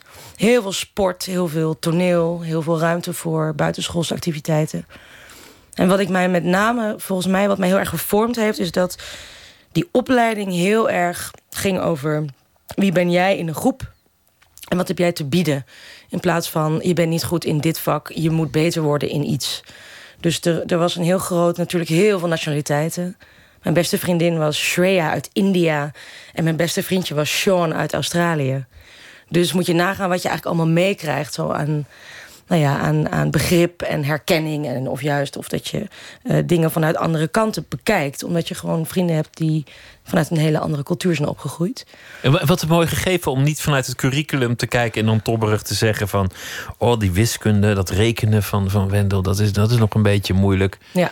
Maar te zeggen, dit, dit kan jij bijdragen aan de groep. Ja. Daar ben jij goed in. Ja, en als je ergens goed in was, werd het ook echt gezegd. Bijvoorbeeld als je goed bent in, in, um, in geschiedenis of juist in talen, dan werd het gezegd. Maar belangrijker nog, wat, wat deed, wat ben je in een groep? Weet je, het is prettig dat iemand... Ze is heel sociaal of ze is heel kalmerend of ze is de gangmaker. Dat werd ook benoemd. Dat was bijna net zo belangrijk als je prestatie. En wat was jij? Ik was uh, een entertainer, een gangmaker. Uh, ik was wel goed in de vakken, alleen wel slordig en chaotisch. Uh, en mijn, ik was goed in taal. En nog, ik ben nog steeds altijd heel nieuwsgierig naar taal. Als ik drie maanden in Thailand ben om vrijwilligerswerk te doen en te leren kickboksen, wat ik dus nu ook uh, elke anderhalf jaar daar doe, dan wil ik Thais leren. En dan, en dan kan ik dat ook een beetje. Oh, dus dat avontuurlijke uh, in, geografische zin, dat zit er nog steeds wel in. Af Ja. en toe weg zijn. Want, want daarna kwam je terecht in, in Wageningen. Toen begon het leven pas. En daar kwam ook het acteren op jouw pad. Hoe, hoe ging dat? Ja, um, eigenlijk kwam het acteren al wel in Indonesië, in Bandung, toen ik op die internationale school zat. Daar waren dus die uh, naschoolse activiteiten ook heel belangrijk. Sport en ook playback shows werden er georganiseerd. En daar deed ik uh, mijn eerste fameuze stappen op het podium. Uh, eerst Stevie Wonder volgens mij, wat heel saai was, achter een piano En alleen maar I just called to say I love you. Het, was gewoon, het had een foto kunnen zijn, want er gebeurde niks. En het jaar daarna was Meatloaf. En toen was ik het mannetje en mijn zus was de vrouw. En ik eh, Paradise by the Dashboard Light. Ja, het klinkt nu allemaal verschrikkelijk, maar toen waren dat de hits. De confrontatie met de voetbalwedstrijd op de autoradio. Ja, exact. En daar, daar wonnen wij. eh, Mijn moeder regisseerde dat. En wij speelden, deden alles wat ze zei. En, ehm, en ja, daar hadden wij succes mee. En ik vond het echt fantastisch om te ervaren wat je kan voelen op het podium. En wat, wat de reactie is, zeg maar, het contact met de mensen. En toen begon het eigenlijk. En in Wageningen ben ik in de spelgroep gegaan op de middelbare school. Van Jeroen Kriek. Die eh, in Growing Up in Public nog zat. Ik weet niet of je dat nog kent. Ja. Dat is lang geleden. En die nam mij zodanig mee naar Growing Up in Public. En toen ging ik richting toneelschool. En de rest is geschiedenis, mag, mag ik wel history. zeggen. Maar, maar wel een, een, een merkwaardig beroep natuurlijk. Mhm. Ac- actrice. Ja. In, in, in, in velerlei opzichten. Ja, het is een. I hate it and I love it. Het is niet. eh, Ik ben er niet altijd eenkleurig enthousiast over. Ik was vandaag nog bij, bij een, eh, een, eh, een doorloop, een zeg maar generale repetitie van een stuk. En, en voor mijn ogen ging het prachtig, ging het mooi. En dan is het afgelopen en dan zie ik mensen met hun microfoontjes smijten en, en hun, hun, hun pruik aftrekken en, en, en eh, elkaar eh, in de haren vliegen omdat ze zo gefrustreerd zijn dat ze het toch niet hebben. Ja. Gisteren, wij hadden vandaag ook een doorloop. eh, ehm, eh, die ging dan wel goed. Gisteren hadden we een doorloop die naar mijn smaak helemaal niet goed ging. Ik schaamde me dood. Eigenlijk denk ik op zo'n moment: laat mij maar. Ik ga wel weer. Ik ga iets anders doen. ik ga me omscholen. Dit ziet er niet uit. En dan ga, ik, dan, dan ga ik ook echt niet meer. Dan ga ik ook naar de kleedkamer. Dan ga ik daar tien minuten zitten sobben. Het slaat nergens op, maar je gelooft echt eh, eh, in het drama dat, dat het verschrikkelijk was. Of dat je iets hebt ver- verkloot. En dat kan zo groot voelen in deze week, hè? Omdat het is de montageweek te spannend. En het, er is geen relativeringsvermogen meer. Dat is volgens mij wat je zo ziet vanavond. Wat jij ook daar hebt Ja, gezien. en wat, ik, wat ik vaker heb gezien. En, Ja. en wat me daarom ook wel fascineert. ja, het is ook gezond, want het is de trechter. Het is de trechter waar we in komen. En het is ook heel belangrijk om niet te relativeren, omdat je alles serieus wil nemen. En dan krijg je ook een, eh, een hele goed geconcentreerde première. Maar daar gaat wel het een en ander aan drama aan vooraf. En zelfhaat en onzekerheid. Ik tref je op een mooi moment, kortom. Want het is, het is komend nu. week Het is actueel, ja. Ehm, hier, eh, hier, hier zijn de kaarten. Ik wil je vragen om een, eh, een vraag te trekken. Zitten er nog... Kan ik nog een soort jokers inzetten als ik iets niet... eh, Ja, waarom ook niet? right. Voeren we dat meteen in. Mooi. Goed, ik ga hem lezen. Toch? Ja hoor. Ben je het type van de harde breuk of van vriendschap met je ex? Joker. Nee, dat is niet zo. Je gaat je Het is een ja. reden dat je het alles. Ehm, ik heb, ben niet bevriend met geen enkele van mijn exen. Dat is niet echt het antwoord op een vraag. Maar ehm, Nou, dat zegt wel al iets. ja, het is, ik heb, nee, ik bel mijn, nee, die, die zitten niet meer in mijn dagdagelijks leven, mijn exen.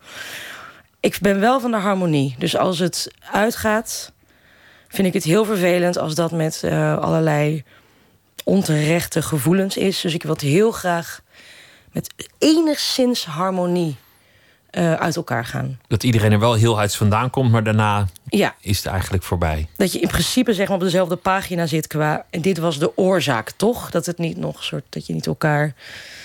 ehm, dat je niet op een hele andere ideeën zit met de herinnering. Wat een vrolijk onderwerp om mee te beginnen. Trek nog Heerlijk. een kaart. Volgende. Waarover voel je je schuldig en wat doe je eraan? God. Ehm, ik voel me schuldig als ik eh, niet genoeg. ehm, nou ja, als ik niet genoeg van nut ben. En dat is een beetje een, een, een tik hoor. Dat is een soort, dat zou je een, een geestesaandoening kunnen noemen. En, en hoe snel komt dat? Is dat na twee dagen luieren al dat je denkt... ik heb niks bijgedragen aan de samenleving? En, en... Ja. En als ik vervolgens dan weer drie weken luier, dan kom ik er wel weer in. Maar het is vooral die eerste dagen. En dan moet ik eigenlijk al van de bank en dingen doen. En Weer dat eh, iets bijdragen aan de groep waar je het net over had. Wa- Wat je, wat je in Indonesië leerde. Wat is jouw bijdrage aan het geheel? ja, ik voel mij dan wel erg verantwoordelijk snel voor de dingen, blijkbaar. In een groep. Of in de maatschappij. Dat ook wel een lekker gevoel is om te denken: ach, ik, niemand merkt het dat ik momenteel niks uitspook. Ja, Het zal allemaal, bedoel, het gaat allemaal gewoon lekker door. Ik ben onbelangrijk. ja. Ja, dat, dat zou een mooie balans kunnen zijn. Maar ik denk dat het bij mij af en toe nog uitschiet in... als ik bijvoorbeeld mij niet heel erg eh, prettig voel... dan vind ik het heel lekker om weg te duiken. En als ik me heel goed voel, dan wil ik juist alles tegelijk. Dus dan ga ik, dan wil ik naar buiten en dan wil ik honden kopen... en huizen zien op voen. Weet je, dan ga ik, ga ik ook meteen... Je hebt echt wel levensdrift, wel echt zin in de dingen. Dus dan ehm, ja, is op de bank slapen al snel een schuldig gevoeletje. Trek nog een kaart. Wie zou je het liefst ontlopen? Daarmee suggereer je dat ik iemand nu niet ontloop van wie ik het wel zou willen. Want ik Oh, ja, of, of iemand die je toch steeds tegenkomt, dat het niet lukt om die te ontlopen. Ja, zou je dat zeggen, eigenlijk wel zou willen? Steeds. Dat is ook wel een goede scène. Vond ik maar een route waarbij ik die ontliep. Ja. ehm, voor een harmoniemens vind ik eigenlijk, ben ik, moet ik eigenlijk verrassend genoeg antwoord geven dat ik eigenlijk iedereen wel tegen wil komen. Je ontloopt niemand. Nee, En je zou ook niemand willen ontlopen. nee. Niemand noemenswaardig. Nee, kom maar op. Er zijn dus ook op dit moment geen negatieve elementen in je leven. N- nou ja, er zijn wel wat exen waarover we het net hadden... die niet in de dagdagelijkse eh, ontmoetingen zitten. Ik zou het prettiger vinden om, om die niet tegen te komen. Maar ik zou ook niet denken... oh, ik, ik weet dat hij nu door gang A loopt... dan ga ik door gang B lopen. Daarmee spreek ik mezelf erg tegen. Hoor ik. Nou, dat vind ik eigenlijk niet. Nee, ja, je zegt ik wil dat we in harmonie uit elkaar gaan. Maar dan, dan hoef je elkaar niet daarna in harmonie steeds weer tegen te komen, toch? Nee, dat dan, is dan ook wordt zo. Het, dan wordt het zo'n harmonische Nee, trekzak. laat ik zeggen dat ik een aantal mensen, zo, als ik ze zou tegenkomen, zou ik, daar, zou, ik, zou ik dat prima. Maar als ik zou weten, er is ook een andere gang die je kan nemen, dan zou ik dat bij een paar, bij een paar eh, ex-geliefden gewoon doen voor het gevoel van gemak en algehele rust. Wat, wat mooi, vind ik ook wel gepassioneerd namelijk. Want, want je kunt ook hebben dat je vrienden bent, maar dat, dat het helemaal dood is geslagen. Dat het een beetje cola zonder prik is geworden. Ja. En, en dat- je, dat je dan elkaar eigenlijk niks te vertellen hebt, maar dan af en toe nog even gaat eten. Ja, nee, dat heb ik eigenlijk niet. Nee. Nee, er zijn wel kort, wat kortere rela- relaties waar- waarbij het ook niet zo heel diep ging of zo. Maar met mijn exen, dat, dat is wonderlijk genoeg gewoon nog steeds wel een. Dat hou ik liever bij hoe het was. Laten we nog een vraag eh, doen. Iets eh, onschuldigs. Welk boek zou je ooit nog willen lezen? Ehm, grappig genoeg heb ik gisteren gekocht De Avonden van Reven. Want die heb ik nog nooit gelezen. Oh, dat is wel meteen zo'n zo, zo'n meesterwerk. Ja, daarom. Dus ik dacht ook, ik heb ook een paar keer gedacht als hij voorbij kwam: van nou, kom op. En ik heb hem gisteren gekocht. Dus hij ligt klaar. Dus die, die, eh, eh, ehm, dat valt samen met deze vraag. En het is kloten weer buiten, dus dat, dat wordt een mooie dag. Dat denk ik, nou niet, ja, precies. Ik ga vanavond meteen beginnen. Zodra ik thuis kom, ga ik eraan beginnen. Laten we nog één, eh, één vraag doen. Oké. Ik hoop dat het een vraag is waar ik mijn joker kan inzetten. Ah, Wat is je vroegste jeugdherinnering? Ehm, dat is. Dat is dat heeft dat is, eh, dat is een eh, eh, toen wij woonden in Haiti woonden wij met een hele hoop expats in een eh, nou ja, community. Ehm, en daar was in het midden van al die huizen was een veldje. Waar ook een volleybalveld was. En gewoon voor de kinderen om te spelen. En daar was een geit. En die, werd, die zat vastgebonden. Het is meer een gevoel dan één specifiek. Maar ik ging altijd naar die geit toe om die te aaien. En mijn zus heeft mij toen een keer wijsgemaakt dat de zwarte dingetjes die zij in haar hand had, dat dat dropjes waren. En dat was toen we daar in dat veld lagen.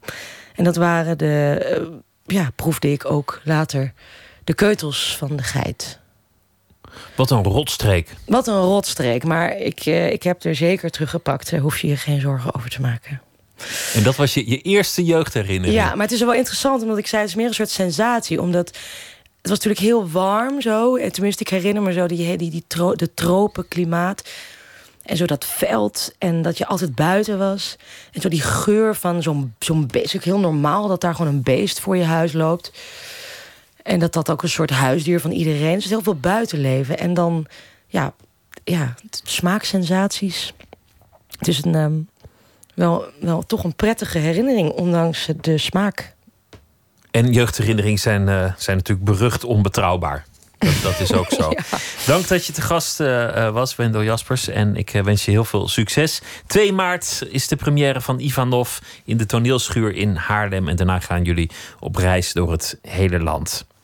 De Amerikaanse muzikant en producer Rafael Sadiq speelt al vanaf zijn zesde basgitaar. Heeft samengespeeld met de groten der aarde. Prince, Stevie Wonder en Jay-Z.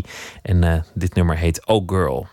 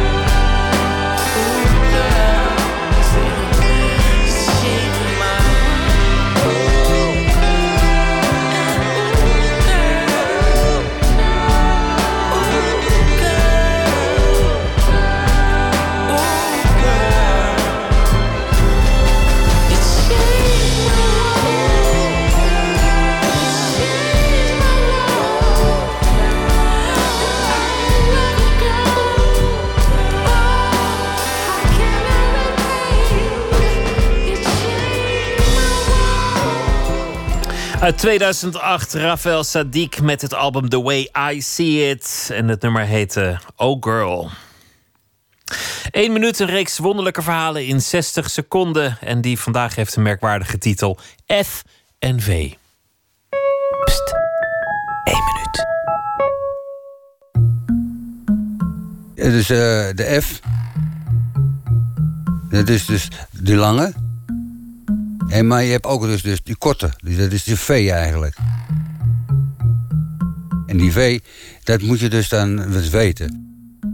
En als je gaat twijfelen, dan is het foute boel. Want dan weet je het helemaal niet meer. Dan, dan denk je, ja, nou, ik zet maar wat neer. Er zijn er dus heel veel dingen die ik dus toch eh, nog niet helemaal perfect kan schrijven. Ik heb zoveel dingen meegemaakt, ik praat er niet graag over hoor. Maar zoveel ellende en zoveel vernederingen moeten doorstaan. En ook ontslag heb gekregen doordat ik niet kon schrijven en lezen. Dat is erachter kwamen. Ook chantages door collega's. En dat is, ze zeiden, ja, dan moet je ons sigaretten geven. En zo niet, dan gaan we naar de baas. Echt waar. Maar ja, dat ligt achter me. Ja, hier heb ik het gisteren ingevuld. En dan had ik in totaal maar twee fouten. Eén minuut gemaakt door Marije Schuurman Hess. En morgen hoort u er weer één.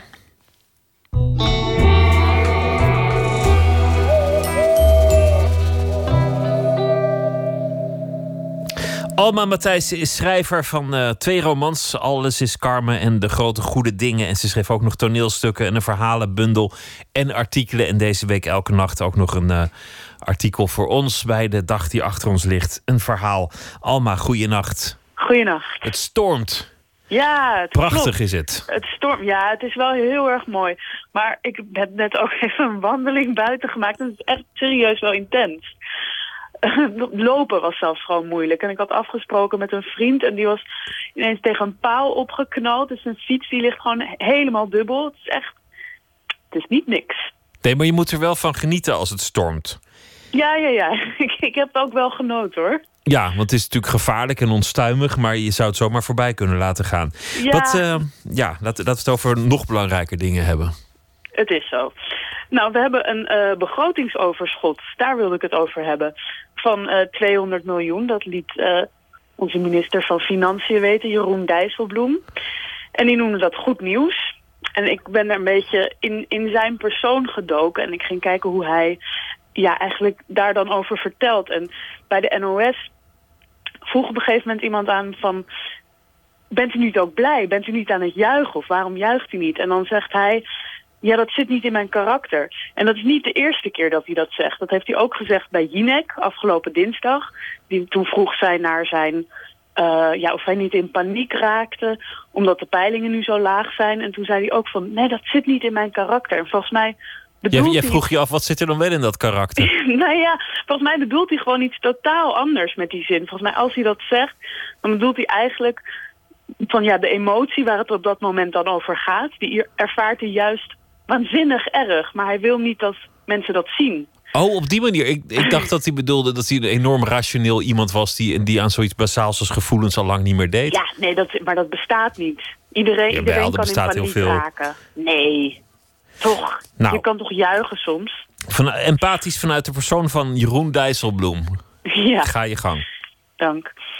Jeroen Dijsselbloem doet zijn best niet te grijnzen als hij de pers te woord staat. Vreemde zinnen vol anglicisme komen hortend naar buiten. Ik weet hoe moeilijk het is geweest om hier te komen, zegt hij. 200 miljoen euro flitsen door zijn gedachten, alsof hij ze zelf verdiend heeft. We hebben er moeilijke maatregelen voor moeten nemen, zegt hij. Waarom staat u niet te juichen? vraagt een journalist. Jeroen onderdrukt een glimlach. Het zit niet in mijn karakter. De cameraploeg stopt met filmen. Jeroen bedankt ze. Dat doet hij altijd.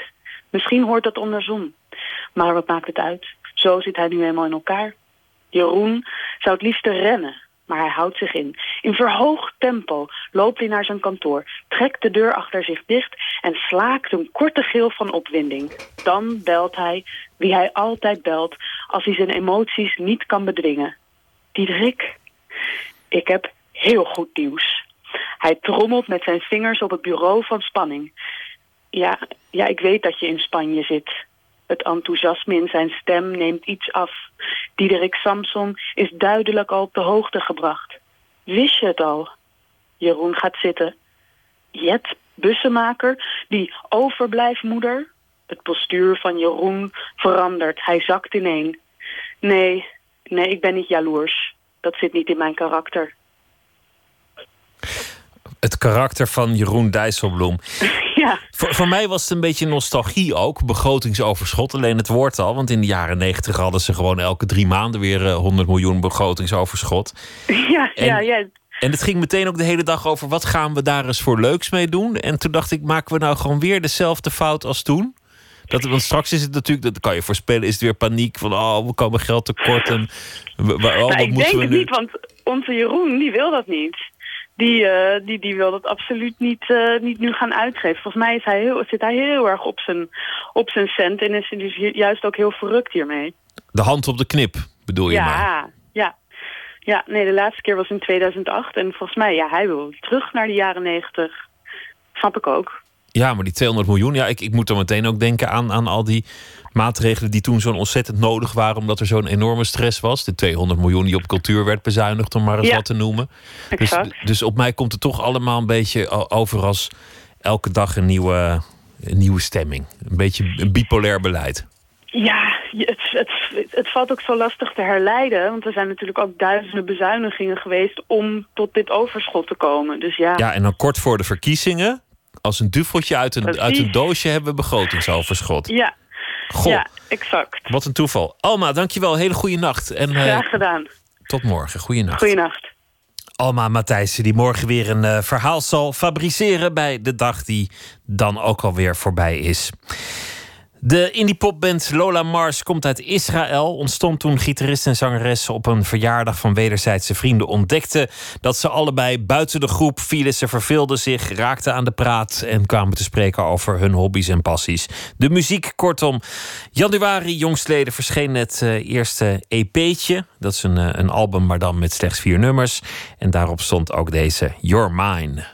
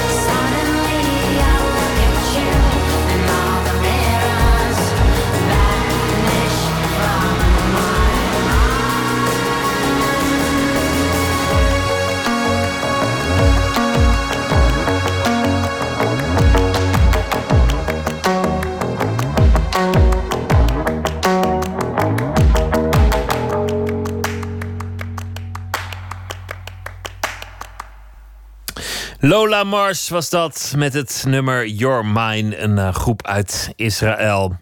Morgen in Nooit meer slapen, dan zit hier Esther Naomi Perquin, tevens de dichter des vaderlands. En zij gaat in gesprek met Guy Weitzman. Hij is choreograaf, geboren in Tel Aviv. Maakte carrière al daar als danser bij het Batsheva Ensemble. Was daarna betrokken bij verschillende gezelschappen in Duitsland, Spanje en Nederland. In 2002 richtte hij in Groningen samen met Ronnie Haver het uh, gezelschap uh, Club Guy en Ronnie op. Dat staat bekend om de combinatie van dans met andere kunstdisciplines. En dit jaar nam uh, Mafalani afscheid van het artistieke leiderschap van het Noord-Nederlands toneel. En Guy Weitzman zal haar opvolgen. En dat doet hij dan samen met Julie van den Bergen. Kortom, uh, veel te bespreken morgen in Nooit meer slapen. En ik uh, wens u nu een hele goede nacht. Zometeen op deze zender kunt u luisteren naar De Nachtzuster. Dit keer gepresenteerd door Ron Vergouwen. Het concept blijft wel hetzelfde, namelijk iemand heeft een vraag en iemand anders weet het antwoord. En u kunt bellen 0800 1121 als u zich altijd al iets heeft afgevraagd en geen ander medium weet om u tot te richten voor een antwoord. En dan zal het zo meteen ongetwijfeld goed komen bij de Nachtzuster, gepresenteerd door Ron Vergouwen. Ook daarbij heel veel plezier. Wij zitten op Twitter en we zitten op Facebook en we hebben ook een podcast. Daarop kunt u zich abonneren via iTunes of de website van de VPRO. Dat is vpro.nl schuine streep nooit meer slapen. vpro.nl schuine streep nooit meer slapen. Wens ik u een hele goede nacht en morgen een leuke dag. En ik hoop dat u morgen weer luistert. Goeienacht.